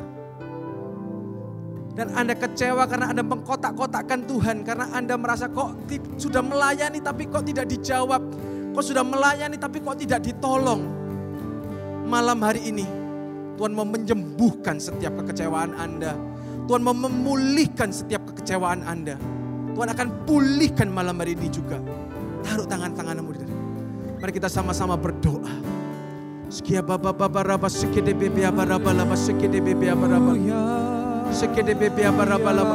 Saat ini Tuhan kami mau berdoa untuk setiap mereka Tuhan. Mereka yang mau seperti Petrus yang mau melepaskan tidak fokus kepada keinginannya sendiri. Tapi mereka yang mau fokusnya kepada kehendak Tuhan. Saat ini juga Tuhan, saat mereka mau menyerahkan isak mereka. Saat ini juga maka firmanmu itu Tuhan terjadi dalam kehidupan mereka. Setiap janji-janjimu terjadi dalam kehidupan mereka. Pakai mereka lebih lagi Tuhan. Saat ini juga curahkan roh kudusmu atas mereka Tuhan. Pakai mereka lebih lagi seperti Petrus Tuhan Pakai mereka seperti Abraham Tuhan. Apa pun yang mereka berkati akan menjadi berkat ya Bapak. Pakai mereka menjadi berkat buat banyak orang Tuhan. Berdoa juga untuk orang-orang yang kecewa dengan Tuhan. Saat ini juga Roh Kudus, Kau yang membalut hati mereka, Kau yang memulihkan mereka Tuhan. Kau yang membalut setiap hati yang terluka. Tuhan, Kau yang menjahit setiap luka-luka. Kau yang membereskan ya Bapak setiap luka itu Tuhan. Sehingga mereka ya Bapak tidak lagi mengkotak-kotakan Tuhan. Mereka yang mau jauh dari Tuhan. Mereka yang mau meninggalkan pelayanan. Saat ini juga Roh Kudus kau yang tarik mereka untuk mereka rindu lagi melayani Tuhan lebih lagi. Mereka rindu lagi untuk mengkotak-kotakan Tuhan. Mereka tidak fokus kepada janji Tuhan. Tapi kau fokus kepada setiap yaitu pemberi janjinya. Yaitu Tuhan sendiri. Percaya ya Roh Kudus. Bisa mereka melakukan itu Roh Kudus saat ini juga kau yang turun atas mereka. Kau yang ada bersama mereka. Bukankah janjimu itu ya dan amin. I am with you. Tuhan bersamamu. Tuhan bersamamu. Tuhan bersamaku. Katakan Tuhan bersamaku. Percayalah Tuhan bersamamu. Mulai saat ini juga sampai Maranatha akan datang. Tuhan bersamamu. Dalam nama Yesus. Dalam nama Yesus. Dalam nama Yesus.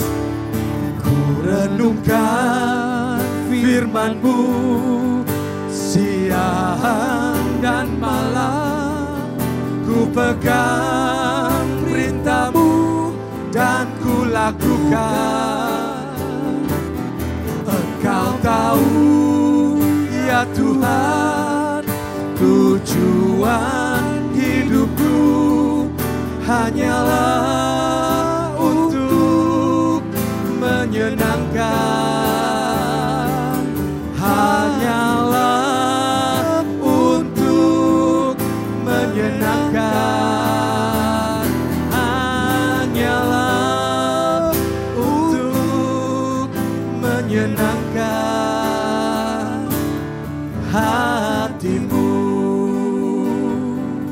kasih Tuhan untuk CG pada malam hari ini terima kasih Roh Kudus percaya Kau hadir di setiap kehidupan kami.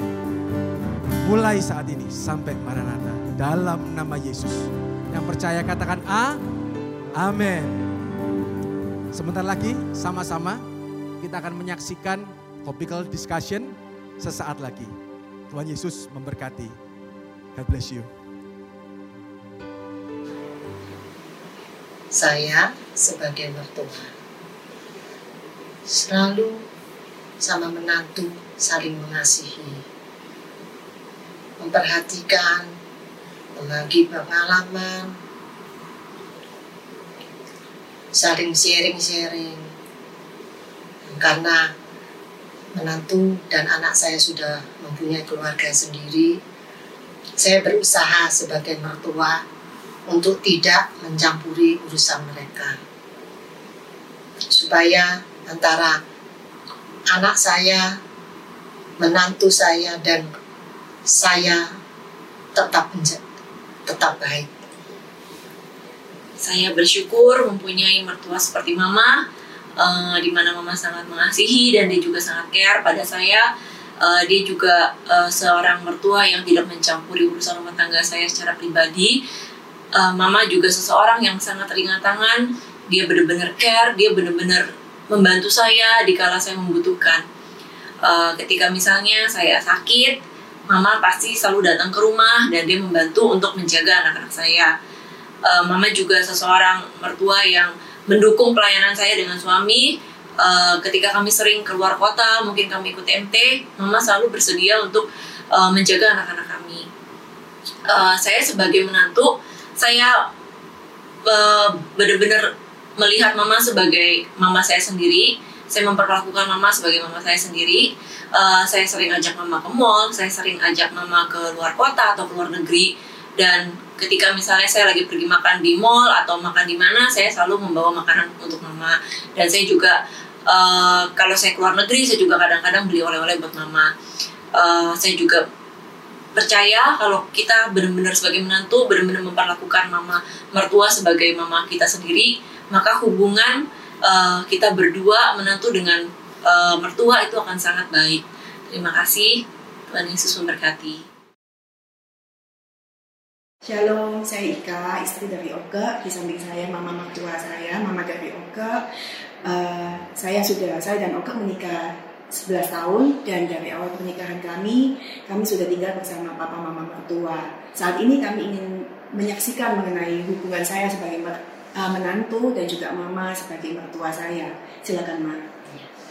Eh, saya berpikir bahwa anak-anak saya sudah pada dewasa, saya hanya berusaha untuk tidak turut campur dalam urusan-urusan mereka. Uh, tidak sedikit-sedikit memberikan teguran pada menantu, karena pasti ada beda kalau ngomong sama menantu dibanding dengan anak sendiri. Jadi kalau saya mau menyampaikan sesuatu lebih enak melalui Oke. Oke yang menyampaikan kepada Ika uh, untuk urusan seperti urusan rumah tangga seperti makan saya bangun pagi-pagi saya juga sudah memikirkan makanan kesukaan mereka kesukaan Ika apa kesukaan Oke apa biasa saya masakin atau belikan. Juga kalau mereka pergi sampai malam saya masih menelpon. Ya cuman khawatir aja saya uh, kok pada belum pulang padahal sudah malam. Jadi saya juga khawatir soalnya kan anak-anak juga ikut ya cucu-cucu saya ikut. Saya cuma ingin kehidupan keluarga apalagi satu rumah bisa harmonis sehingga bahagia.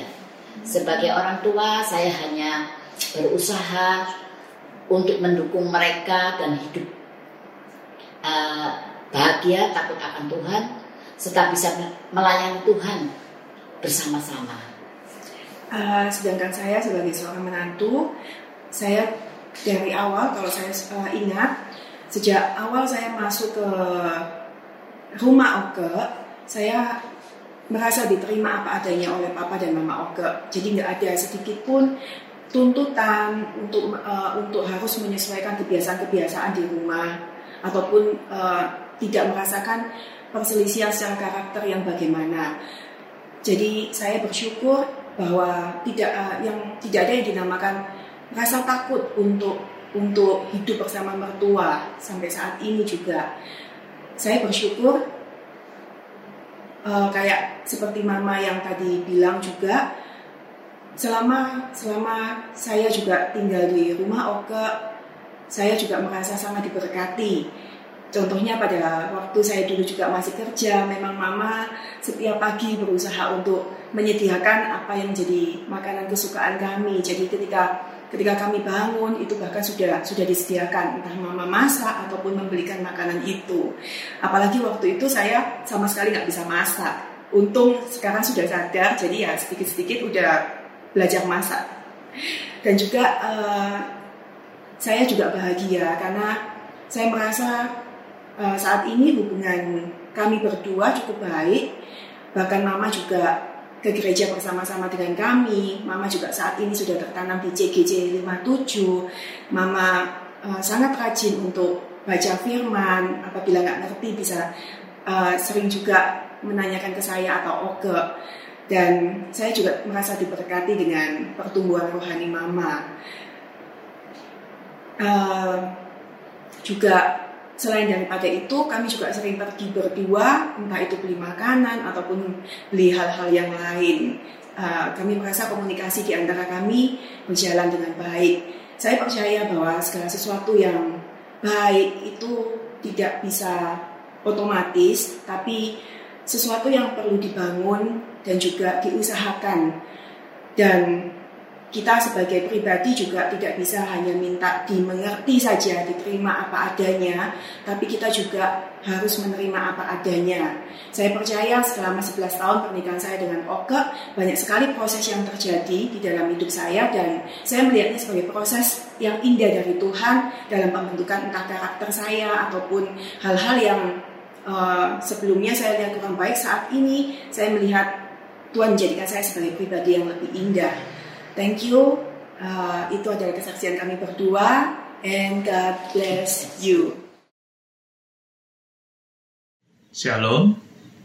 Bagaimana mempunyai hubungan yang harmonis dengan mertua? Memang tidak mudah karena perbedaan karakter, perbedaan latar belakang, background kehidupan, cara hidup dan sebagainya. Butuh penyesuaian, butuh adaptasi.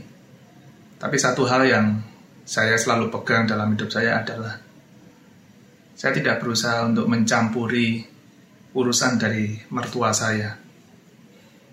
Saya berusaha untuk menghargai apa yang dia lakukan di rumah karena saya percaya bahwa apa yang dilakukan juga bertujuan untuk kebaikan saya dan istri saya dan juga anak-anak.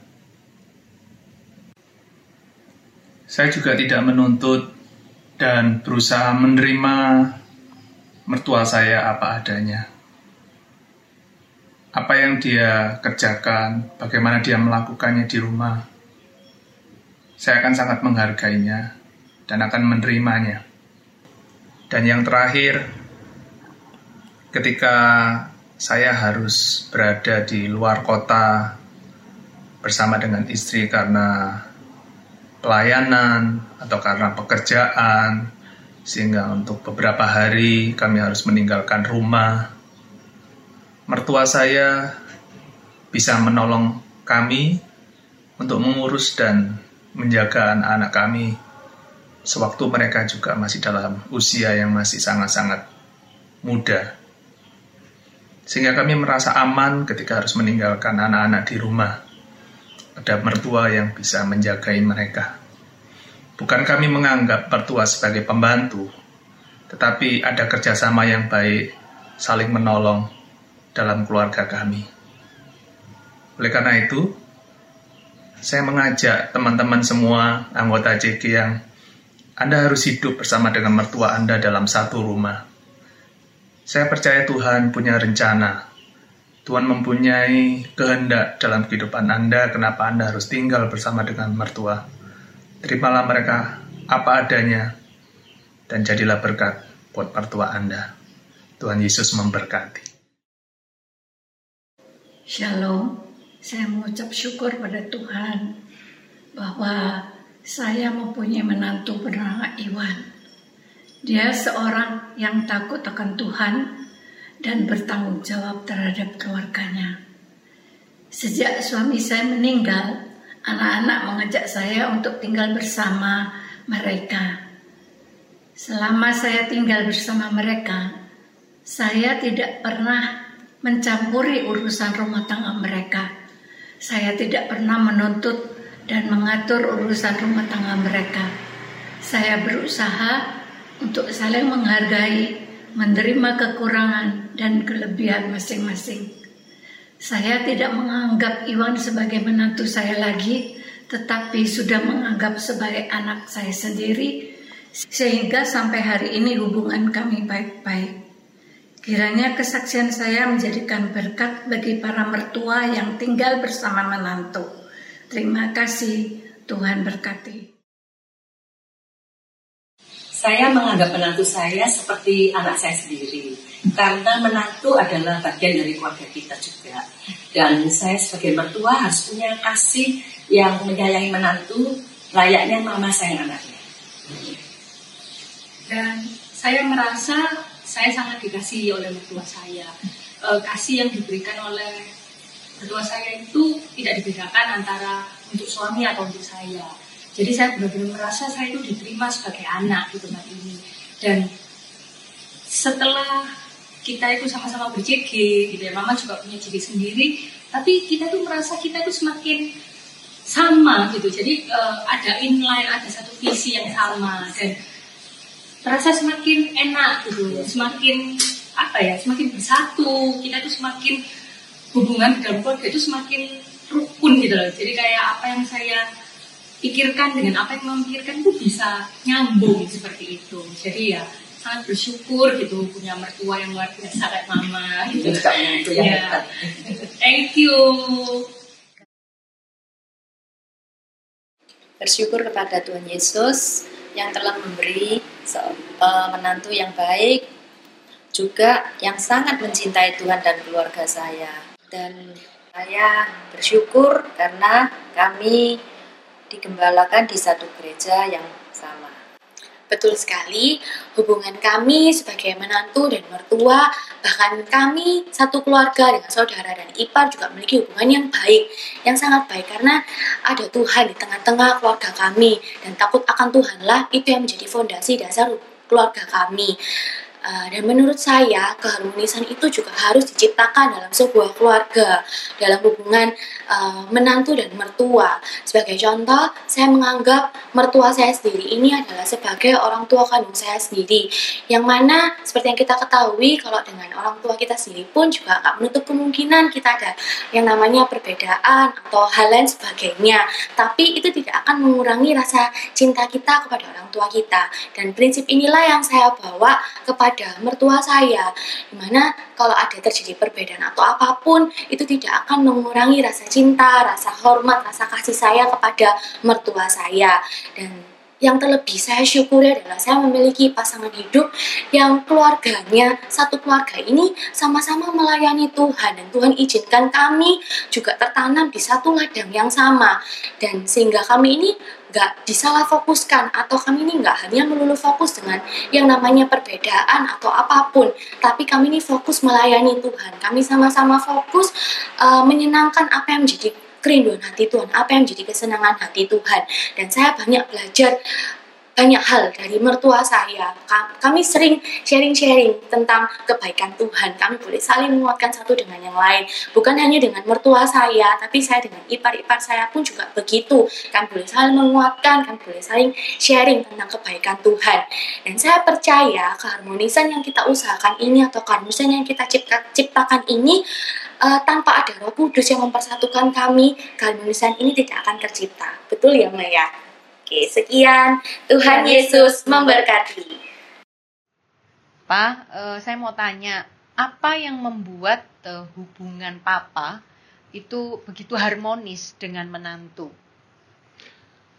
Well, masalah ini diketahui dari dulu. Zaman dulu pun sudah tahu dan untungnya jawabannya juga mudah. Hanya kesadaran dari masing-masing. Masalahnya ya adalah mertua dengan manatu itu ketemunya sudah tua. Ya. Masing-masing mempunyai karakter sendiri, tidak terbiasa bergaul dan dalam hal ini kedua belah pihak itu berasal dari dua keluarga yang berbeda dengan segala keunikannya sendiri. Nah, untungnya bagaimana kita menyelesaikan atau menghindari terjadinya konflik. konfliknya.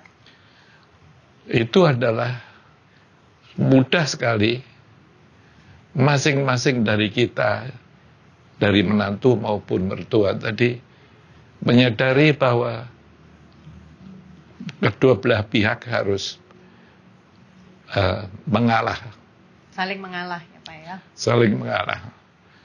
ya. Setuju.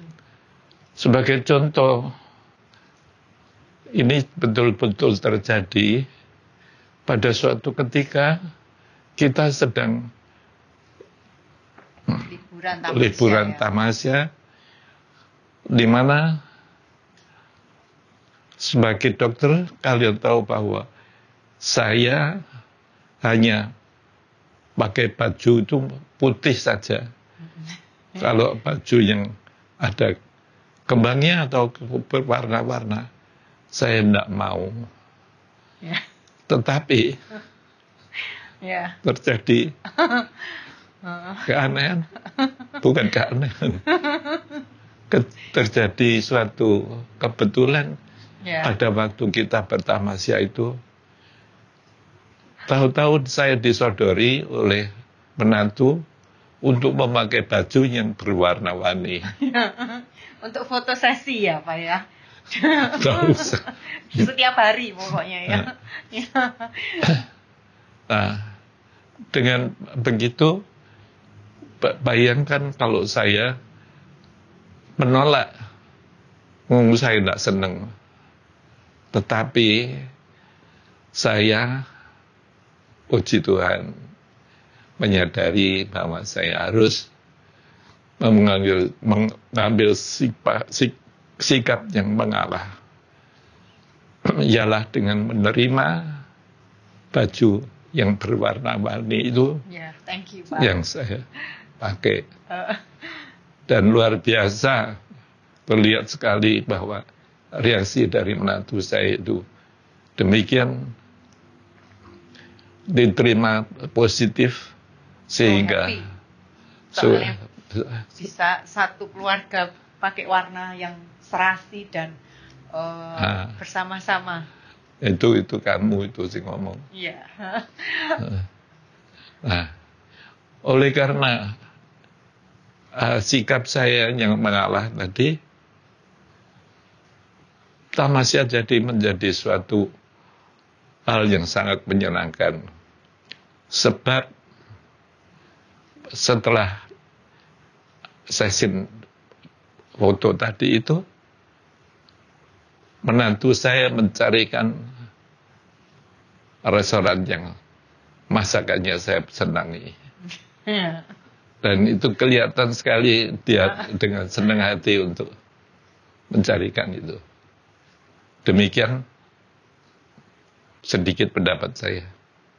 Thank you Pak. Thank you. It's, it's so ya bersyukur punya papa mertua seperti papa. Thank you.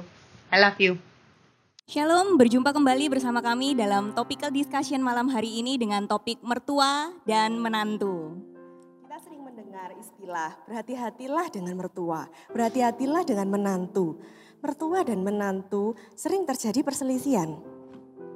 Tak jarang juga kita mendengar ya di eh, cerita di sana sini yang mengatakan bahwa mertua yang ikut campur, menantu yang tidak hormat sehingga sampai muncul kesimpulan jangan serumah dengan mertua dan jangan dekat-dekat. Eits, tapi semua adalah kata dunia. Benarkah mertua dan menantu memang sering berselisih? Bagaimana dengan kata mereka? Eh, apakah benar itu yang mereka alami? Mari kita dengar apa kata mereka mengenai hubungan mertua dan menantu melalui cuplikan-cuplikan video berikut ini.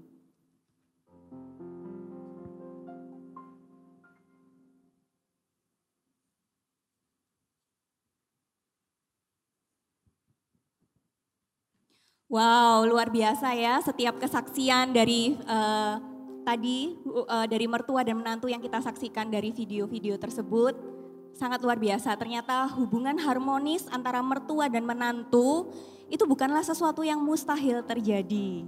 Yes. Nah, tadi eh, kita melihat bersama-sama kalau Profesor Erwin yang adalah eh, papa kandung dari Ko Adrian dan eh, mertua dari Celeli itu bercerita kalau eh, Prof ini ternyata eh, mau mengalah untuk mengenakan baju warna-warni untuk menyenangkan hati menantunya. Karena Cileli ini suka foto session dengan baju yang serasi, yang warna-warni gitu ya Cie ya. Iya. Sangat suka. Sangat suka ya Iya. gue ya. Eh, tapi Profesor Erwin ini eh, mau mengalah untuk mengenakan itu gitu. Padahal sebenarnya secara usia kan lebih tua, lebih senior. Nah pertanya- pertanyaan yang terbersit di saya sendiri itu adalah kok kok mau ya mengalah ya? Kan eh, sikap yang mengalah seperti itu tidak tiba-tiba saja terjadi. Nah apa yang Celeli bangun sebagai menantu C? Eh, sampai akhirnya eh, mertua Celeli ini benar-benar mau mengalah untuk menyenangkan hatinya Celeli. supaya bisa membayangkan tadi yang eh, mertua saya, eh, Prof. Erwin mengatakan bahwa dia mengalah dengan pakaian yang berwarna-warni ketika berlibur bersama-sama. Eh, saksikan foto-fotonya saat ini benar-benar memang kita pakai pink, kita pakai blue, kita pakai warna-warni yellow, kita pakai warna-warni dan pakai hijau, satu keluarga pakai hijau. Luar biasa. Thank you Papa. Eh, I love you so much dan saya bersyukur diberikan me- mertua yang mengasihi saya dengan luar biasa. Dan saya bangga bisa menjadi bagian dari keluarga Sarwono Family. Di awal-awal em, ketika saya em, menikah, in- dalam saya punya visi, saya punya mimpi, saya punya dream. Ketika saya nanti menikah, saya rindu sekali visi saya itu menjadi berkat buat keluarga dari suami saya. Bukan saya bukan saya hanya saja mencintai, mengasihi dan menjadi penolong buat suami saya, tapi saya mau menjadi berkat buat keluarganya juga. Dengan uh, visi itu itu yang membuat saya untuk berusaha um, ini yang yang saya lakukan kalau tadi eh, Nika sempat tanya pasti bukan eh, cuman satu kejap begini saja, tapi ada proses. Ini hal-hal yang saya lakukan. Saya mengasihi mereka. Ketika kita pulih dari bisnis, bisnis kita mengalami hutang dan Tuhan memulihkan keadaan bisnis kami dan kami mulai diberkati, mencicipi kemurahan dan anugerah Tuhan. Hal pertama yang kami lakukan setelah Tuhan memberikan profit keuntungan di bisnis kami, bisa saja saya mengajak suami saya, ayo kita jalan-jalan dan menikmati eh, dengan egois untuk kepentingan kami sekeluarga dengan anak-anak saja. Tapi yang menjadi kerinduan saya karena saya mengasihi mertua saya, ini yang menjadi kesukaan mereka adalah traveling. Salah satu kesukaan mereka yang paling disukai sama mereka adalah traveling, bepergian. Nah, kami mengajak mereka ketika kami ada liburan anak sekolah, kami mengajak mertua tidak Ya, berenam. Jadi saya melibatkan em, mertua saya masuk juga em, join dalam liburan kami. Dan selama liburan itu em, kami merasakan semakin dipersatukan dalam liburan itu menikmati. Dan apa yang bisa saya berikan ketika kami tinggal di hotel, sometimes hotel yang kami tempati itu dalam bentuk seperti apartemen, satu apartemen gitu ya. Dan ada kamar yang lebih besar, kayak master roomnya gitu ya. Em, bednya lebih besar dan view-nya lebih bagus ya. Dan eh, kita minta untuk orang tua kita yang tinggal di kamar itu yang jauh lebih besar.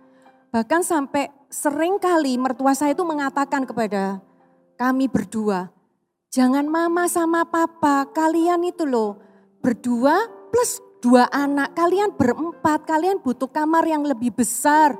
Bukan kita yang tinggal di kamar yang lebih besar, tapi itu itu yang menjadi kebanggaan kami kalau kami bisa menyenangkan orang tua kami. Saya sudah mengasihi mereka berdua seperti orang tua saya secara pribadi.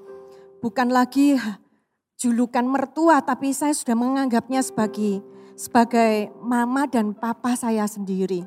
Jadi penting sekali ya Jeleli kalau mempunyai visi untuk mengasihi dalam keluarga. Bagaimana awal mula itu muncul dari hati Jeleli untuk mengasihi keluarga Ko Adrian? Saya itu uh, merindukan punya keluarga yang bahagia. Tentunya keluarga kita akan bahagia kalau orang tua daripada suami saya juga mensupport pernikahan Mungkin kami. perlu dijelaskan bahwa jadi uh, Leli itu tinggal sama keluarga kita. Jadi rumah kita itu bersebelahan dengan papa saya. Jadi bukan tinggal jauh ya, sangat bersebelahan cuman beda satu tembok. Jadi uh, kemungkinan untuk terjadi apa ya, tabrakan keinginan itu banyak. Dengan adanya tinggal seperti itu, saya sangat menghargai karena dari awal dia tidak mau apa ya, kayak me mengeraskan hati maunya dia aja. Jadi sejak awal dia mau mengintegrasikan dirinya ke dalam keluarga saya. Uh, saya hargain dia serius kalau ngomong dia mau masuk ke dalam Sarwono family. Dia bukan hanya membawa masa lalunya dia dan dia minta begini, minta begitu. Saya sebagai suami saya mengucap syukur saya punya istri yang kayak begini. Kalau enggak ya pasti pusing. Karena mama saya ya saya tinggal sama mama saya sejak saya kecil sampai menikah 27 tahun ya saya udah biasa. Jadi apa pun yang mama saya ngomongin, keluarga saya lakukan ya biasa itu. Sejak dia masuk, dia yang mau adjust, dia tidak mau menghancurkan keluarga ini, bahkan dia punya visi untuk keluarga ini harus menjadi lebih baik. Dia adopsi. Uh, memposisikan diri waktu Iya, dia memposisikan benar-benar memposisikan diri sebagai keluarga saya. Dia bukan orang luar yang menuntut saya, sekarang kamu ikutin tata cara saya, bukan kayak begitu. Jadi saya sebenarnya uh, sangat mengucap syukur karena ya meskipun banyak perbedaan, banyak sekali yang harus kita adjust. Di awal-awal itu, mungkin berapa, tiga tahun pertama? Ya tiga tahun pertama. Itu cukup sering dia datang dengan uh, ya nangis-nangis begitu ya. Tapi ya saya mengucap syukurnya dia tidak langsung misalnya langsung contoh boleh? Ya, ya, silakan. Contoh aja ya. Mungkin bisa dikasih contoh ya, Ko. Kan Ya. eh, konflik-konflik apa yang Mestinya yang Adrian jelaskan terjadi? ini adalah proses saya yang kedua. Kalau tadi eh, memberkati, bagaimana memberkatinya itu saya mengasihi mereka. Yang kedua saya mengalah. Nah ini yang yang Adrian ceritakan ini. Silahkan Iya. Adrian. Soalnya bagi saya nggak pernah split-split begitu ya. yang saya rasakan adalah ya kita ini punya tata cara yang berbeda. Ah, Leli juga punya apa ya kebiasaan yang berbeda. Dulu zamannya di rumah mama saya ya nggak tahu mungkin karena kebiasaan mama menghemat listrik atau apa. Malam-malam itu suasananya sangat romantis, maksudnya gelap. Kalau kita pulang dari kerja ya. Apalagi pulang dari kerja kita kan rumah itu langsung saya nyalain lampu semua. Mama saya nyapa, halo apa kabar, gimana tadi kerjaan. Habis, habis itu dia keluar kan, sambil keluar itu dia matiin semua lampunya. Jadi kita loh, kok digelapin lagi. Nah istri saya itu nggak suka gitu loh. Jadi dia tuh nangis-nangis, siapa sih mama itu, kenapa sih saya ini. Ini hal kecil ya, itu, itu banyak. Saya cuma kasih contoh ini hanya lampu aja. Mama suka gelap, kita suka terang. Akhirnya kita perang nyalain lah, matiin, nyalain, matiin.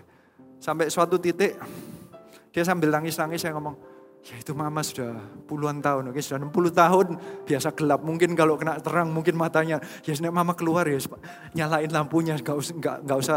Jadi saya menenangkan gak usah terjadi perselisihan itu bukan hal yang terlalu besar. ya, tahu- saya bersyukur sih dengan em, seorang suami ini penting banget. Para suami eh, sebaiknya Anda benar-benar mendengarkan apa yang disaksikan Adrian ini. Karena ini sungguh menjadi solusi yang yang ketika kita ada selisih dengan mertua, ini tindakan yang harusnya itu dilakukan oleh suami. Eh, saya bersyukur karena suami saya ini diberikan hikmat dan dia seorang yang bijaksana dalam membuat keputusan. Enggak semudah Silakan, itu sih, enggak, enggak, bukan kayak berhikmat apa itu butuh adjustment dan akhirnya menemukan, saya akhirnya mengerti apa artinya menjadi imam. Imam itu berarti di tengah-tengah, kadang mendoakan keluarga pada Tuhan. Nah, antara soal menantu dengan mertua yaitu mama saya gitu ya, papa saya, saya juga harus menjadi imam. Saya di tengah-tengahnya. Saya nggak bisa dia komplain nangis, saya nggak bisa langsung datang mama saya. Mama, jangan mati lampu. Gak, saya nggak bisa kayak begitu. Apalagi kalau saya ngomongin, Mama, kenapa matiin lampu? Istri saya nggak suka. Ya, tambah marah sama istri. Saya nggak boleh kayak begitu. Saya di tengah-tengah sebagai imam, saya menenangkan dia, kemudian saya cari waktu, cari yang waktu yang baik, saya ngomong baik-baik sama mama, mah, uh, ma mau nyalain matiin jadwalnya sendiri di area sana ya, saya bagi-bagi area gitu, kayak pelan-pelan. Kalau dia tetap gak sengaja lewat matiin lampu ya saya nggak, saya diam aja, saya nggak berusaha menenangkan dua-dua baik, menenangkan mama maupun menenangkan istri saya. Tapi ini bukan hanya masalah lampu, ini cuma contoh ya. Uh, banyak yang saya harus lakukan.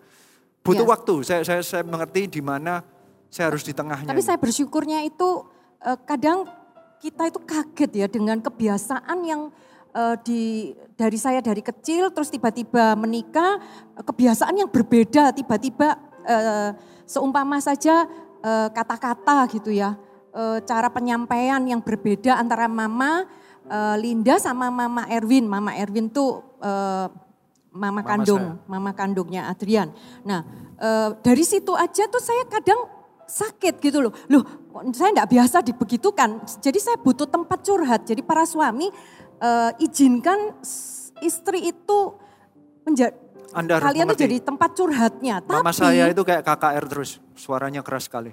Ya. Akan tetapi para suami jangan jadi kabel telepon, jangan langsung suaminya memarahi mamanya. Itu justru nanti akan membuat hubungan menantu dan mertua benar-benar bermusuhan karena dia menganggap ini bukan anak saya yang saya kenal. Anak saya yang saya kenal tidak pernah kurang ajar seperti ini atau anak saya tidak pernah e, memarah-marahi mamanya. Jadi pasti otomatis seorang mama akan kenal gitu loh. Persis kok ada perubahan sikap yang tidak baik dari anaknya. Ini pasti ulah daripada si menantu. Jadi saya berharap sih um, ketika ada perselisihan antara mertua dan menantu, anak harus bangkit, anaknya harus bangkit, anak kandungnya. Untuk membantu, untuk menetralkan, membantu menengahi. Ini yang ketiga, ya. dia itu mengubah. Dia siap masuk di dalam keluarga malah mengubahkan sifat saya menjadi lebih baik menurut saya.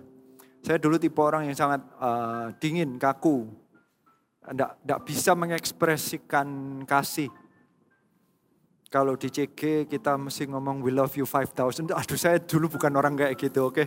Saya saya nggak bisa ngomong love aja itu kayak L L berhenti sudah. L titik titik titik gitu pokoknya. Saya, pokoknya bener-bener cool Adrian Itu ke ya. siapa pun oke. Okay? Uh, yeah. Ya ke di rumah ya apa jadi ya cuma hmm ya kayak, kayak apa mungkin anda bisa ngerti ya jadi ada orang-orang yang kalau ditanyain gimana hmm, hmm ya gitu saya nggak nggak nggak punya ekspresi apa-apa tapi sejak dia ada dalam keluarga saya, saya itu disuruh lebih membaikin orang tua saya. Lebih, lebih ngerangkul, mengasihi, lebih mencium, lebih, lebih memperhatikan. Me, me, ya, memperhatikan, beliin makanan, lebih apa, menyapa. Jadi uh, efek long termnya adalah mereka merasa bahwa sejak saya menikah dengan istri saya, saya menjadi anak yang lebih baik. Jadi malah, uh, tapi ujung-ujungnya begini, ini efek samping yang lebih ekstrim ya kalau makan itu yang dicari dia, bukan saya. Kalau ada apa-apa yang dibeliin dia, bukan saya. Jadi hampir-hampir ya dia itu lebih anak daripada saya. Sering ditanyain orang, loh yang anak yang mana gitu loh ya. Kalau orang di luar gitu loh, yang anak itu yang mana? Saya kadang, oh, saya mantu sih, gitu enggak ada. Jadi uh, se sehebatnya itu dia benar-benar bisa mengambil hatinya mama dan papa saya uh, sampai saya dilihat dari orang luar gitu ya, yang mer, yang mantu mana, yang anak mana itu sudah nggak bisa dibedakan bahkan saya sering kalah. Saya sering ya memang saya tipenya kalau ketemu orang itu warm ya, memang saya hugging, saya sama orang tua saya juga sering kissing gitu ya. Uh, ya ya itu bawaan saya gitu maksudnya itu it's me gitu. Nah saya berusaha untuk mempengaruhi suami saya, kamu kok kayak gitu sih sama orang tua gitu loh. Nyesel loh nanti kalau kamu belum berbuat apa-apa. Sudah 27 tahun gitu. kayak gitu ya tapi diubah ya. Ya tapi praise the Lord Jadi saya terus dorong Adrian dengan foto juga gitu. Ayo papa dihak. Tapi gitu. Nanti efeknya, mama dihak. gitu. efeknya dua Nanti- tahun mereka bertobat. Ya. Karena kita bisa menunjukkan kasih jadi eh, Ya. Bukan hanya menginjil dengan kata-kata tapi kita menunjukkan dengan kasih dan akhirnya saya mengucap syukur punya istri kayak gini akhirnya mama pa- papa saya juga dibaptis dua tahun setelah kita eh, setelah menikah Ternyata terciptanya hubungan yang indah antara mertua dan menantu itu perlu usaha dari ketiga pihak ya, yaitu pihak menantu, pihak anak, dan mertua sendiri. Nah sekarang kita ada surat pembaca dari Checkers yang akan dibacakan oleh Nike. Ya, eh, ini sebenarnya terkait eh, sebelum saya membacakan surat pembaca, ini sebenarnya terkait dengan adanya pertanyaan. Jadi ini ada pertanyaan bagaimana kalau menantu ini menghadapi seorang mertua itu yang eh, sangat dominan, yang sangat agresif, menuntut dan menekan. Nah ini saya akan bacakan surat pembacanya untuk eh, kita semua ya, all Checkers. Jadi ini ada kisah nyata mertua menantu Tuhan pulihkan dimulai dari hati kita para menantu. Saya dari background keluarga yang tenang dan orang tua yang jarang sekali bertengkar. Ketika di awal pernikahan dengan suami, saya sempat stres dan shock karena keluarga suami saya bertolak belakang dengan keluarga saya. Mertua perempuan saya menurut saya adalah seorang yang dominan, temperamen, dan sensitif. Saya kepahitan dengan mertua saya karena perlakuannya yang semena-mena terhadap saya. Sampai saya tidak pern, eh, saya pernah tidak mau berjumpa ketemuan dengan dia selama setahunan. Ada banyak hal dari sifat-sifatnya yang tidak saya sukai. Orangnya suka mengadu domba di antara anak, suka berbohong demi keinginannya tercapai, suka mengundat setiap barang yang telah diberikan. Misalnya perhiasan pernikahan tidak segan-segan diminta apabila berselisih paham dengannya. Mertua saya pun juga suka meneror lewat SMS maupun WhatsApp. Dan teror itu akan dilakukan sesuka hatinya dari pagi hingga subuh sampai saya berpikir mengapa saya pernah eh, saya mempunyai mertua yang seperti iblis. Tetapi semua pandangan saya diubahkan ketika saya semakin dewasa di dalam Tuhan. Ketika saya berkata kepada Tuhan, saya mau mengampuni dan melepaskan kepahitan itu, maka Tuhan memberi saya hati yang baru. Dan proses demi proses bisa melewati setiap sifat-sifat mertua saya yang saya anggap menyebalkan. Perubahan ini bermula ketika saya join CG dan menangkap isi hati Tuhan yaitu jiwa-jiwa. Saya menjadi orang yang lebih bisa menerima dan tidak hanya fokus terhadap aku, aku, dan aku. Sifat dan karakter mertua saya tetap sama, tetapi saya tidak lagi menuntut mertua saya untuk berubah. Dengan keterlibatan saya melayani di CG dan memperdulikan orang lain, maka Tuhan yang mengubah cara pandang saya sehingga saya bisa mengampuni, melepaskan, dan memahami mertua saya. Dulu ketika bertemu hati ini terasa berat karena terpaksa. Sejujurnya dalam hati kalau bisa tidak ingin bertemu. Namun setelah saya mau mengampuni dan melepaskan, hati ini tidak ada rasa sakit sedikit pun. Bahkan jika mertua saya bertelepon, bercerita melalui WA atau meminta bantuan saya untuk membelikan sesuatu atau apa pun, saya akan melakukannya dengan senang hati. Dan hingga saat ini hubungan kami sangat baik sekali. Wow, luar biasa. Saya kasih jempol benar-benar itu. Menantu yang luar biasa. Ya, ini terkait dengan pertanyaan yang tadi ya sebenarnya. Eh, bagaimana jika mertua itu sangat agresif? Ternyata itu melalui sebuah pengampunan itu bisa mengubahkan perspektif, bisa mengubahkan cara pandang.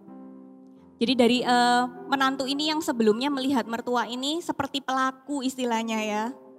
Eh, seperti tadi sampai dibilang waduh seperti iblis, seperti pelaku. Tapi ketika cara pandangnya itu diubahkan oleh Tuhan dia bisa melihat mertuanya ini adalah sebenarnya korban yang perlu diselamatkan sehingga akhirnya dia bisa memberikan kasih.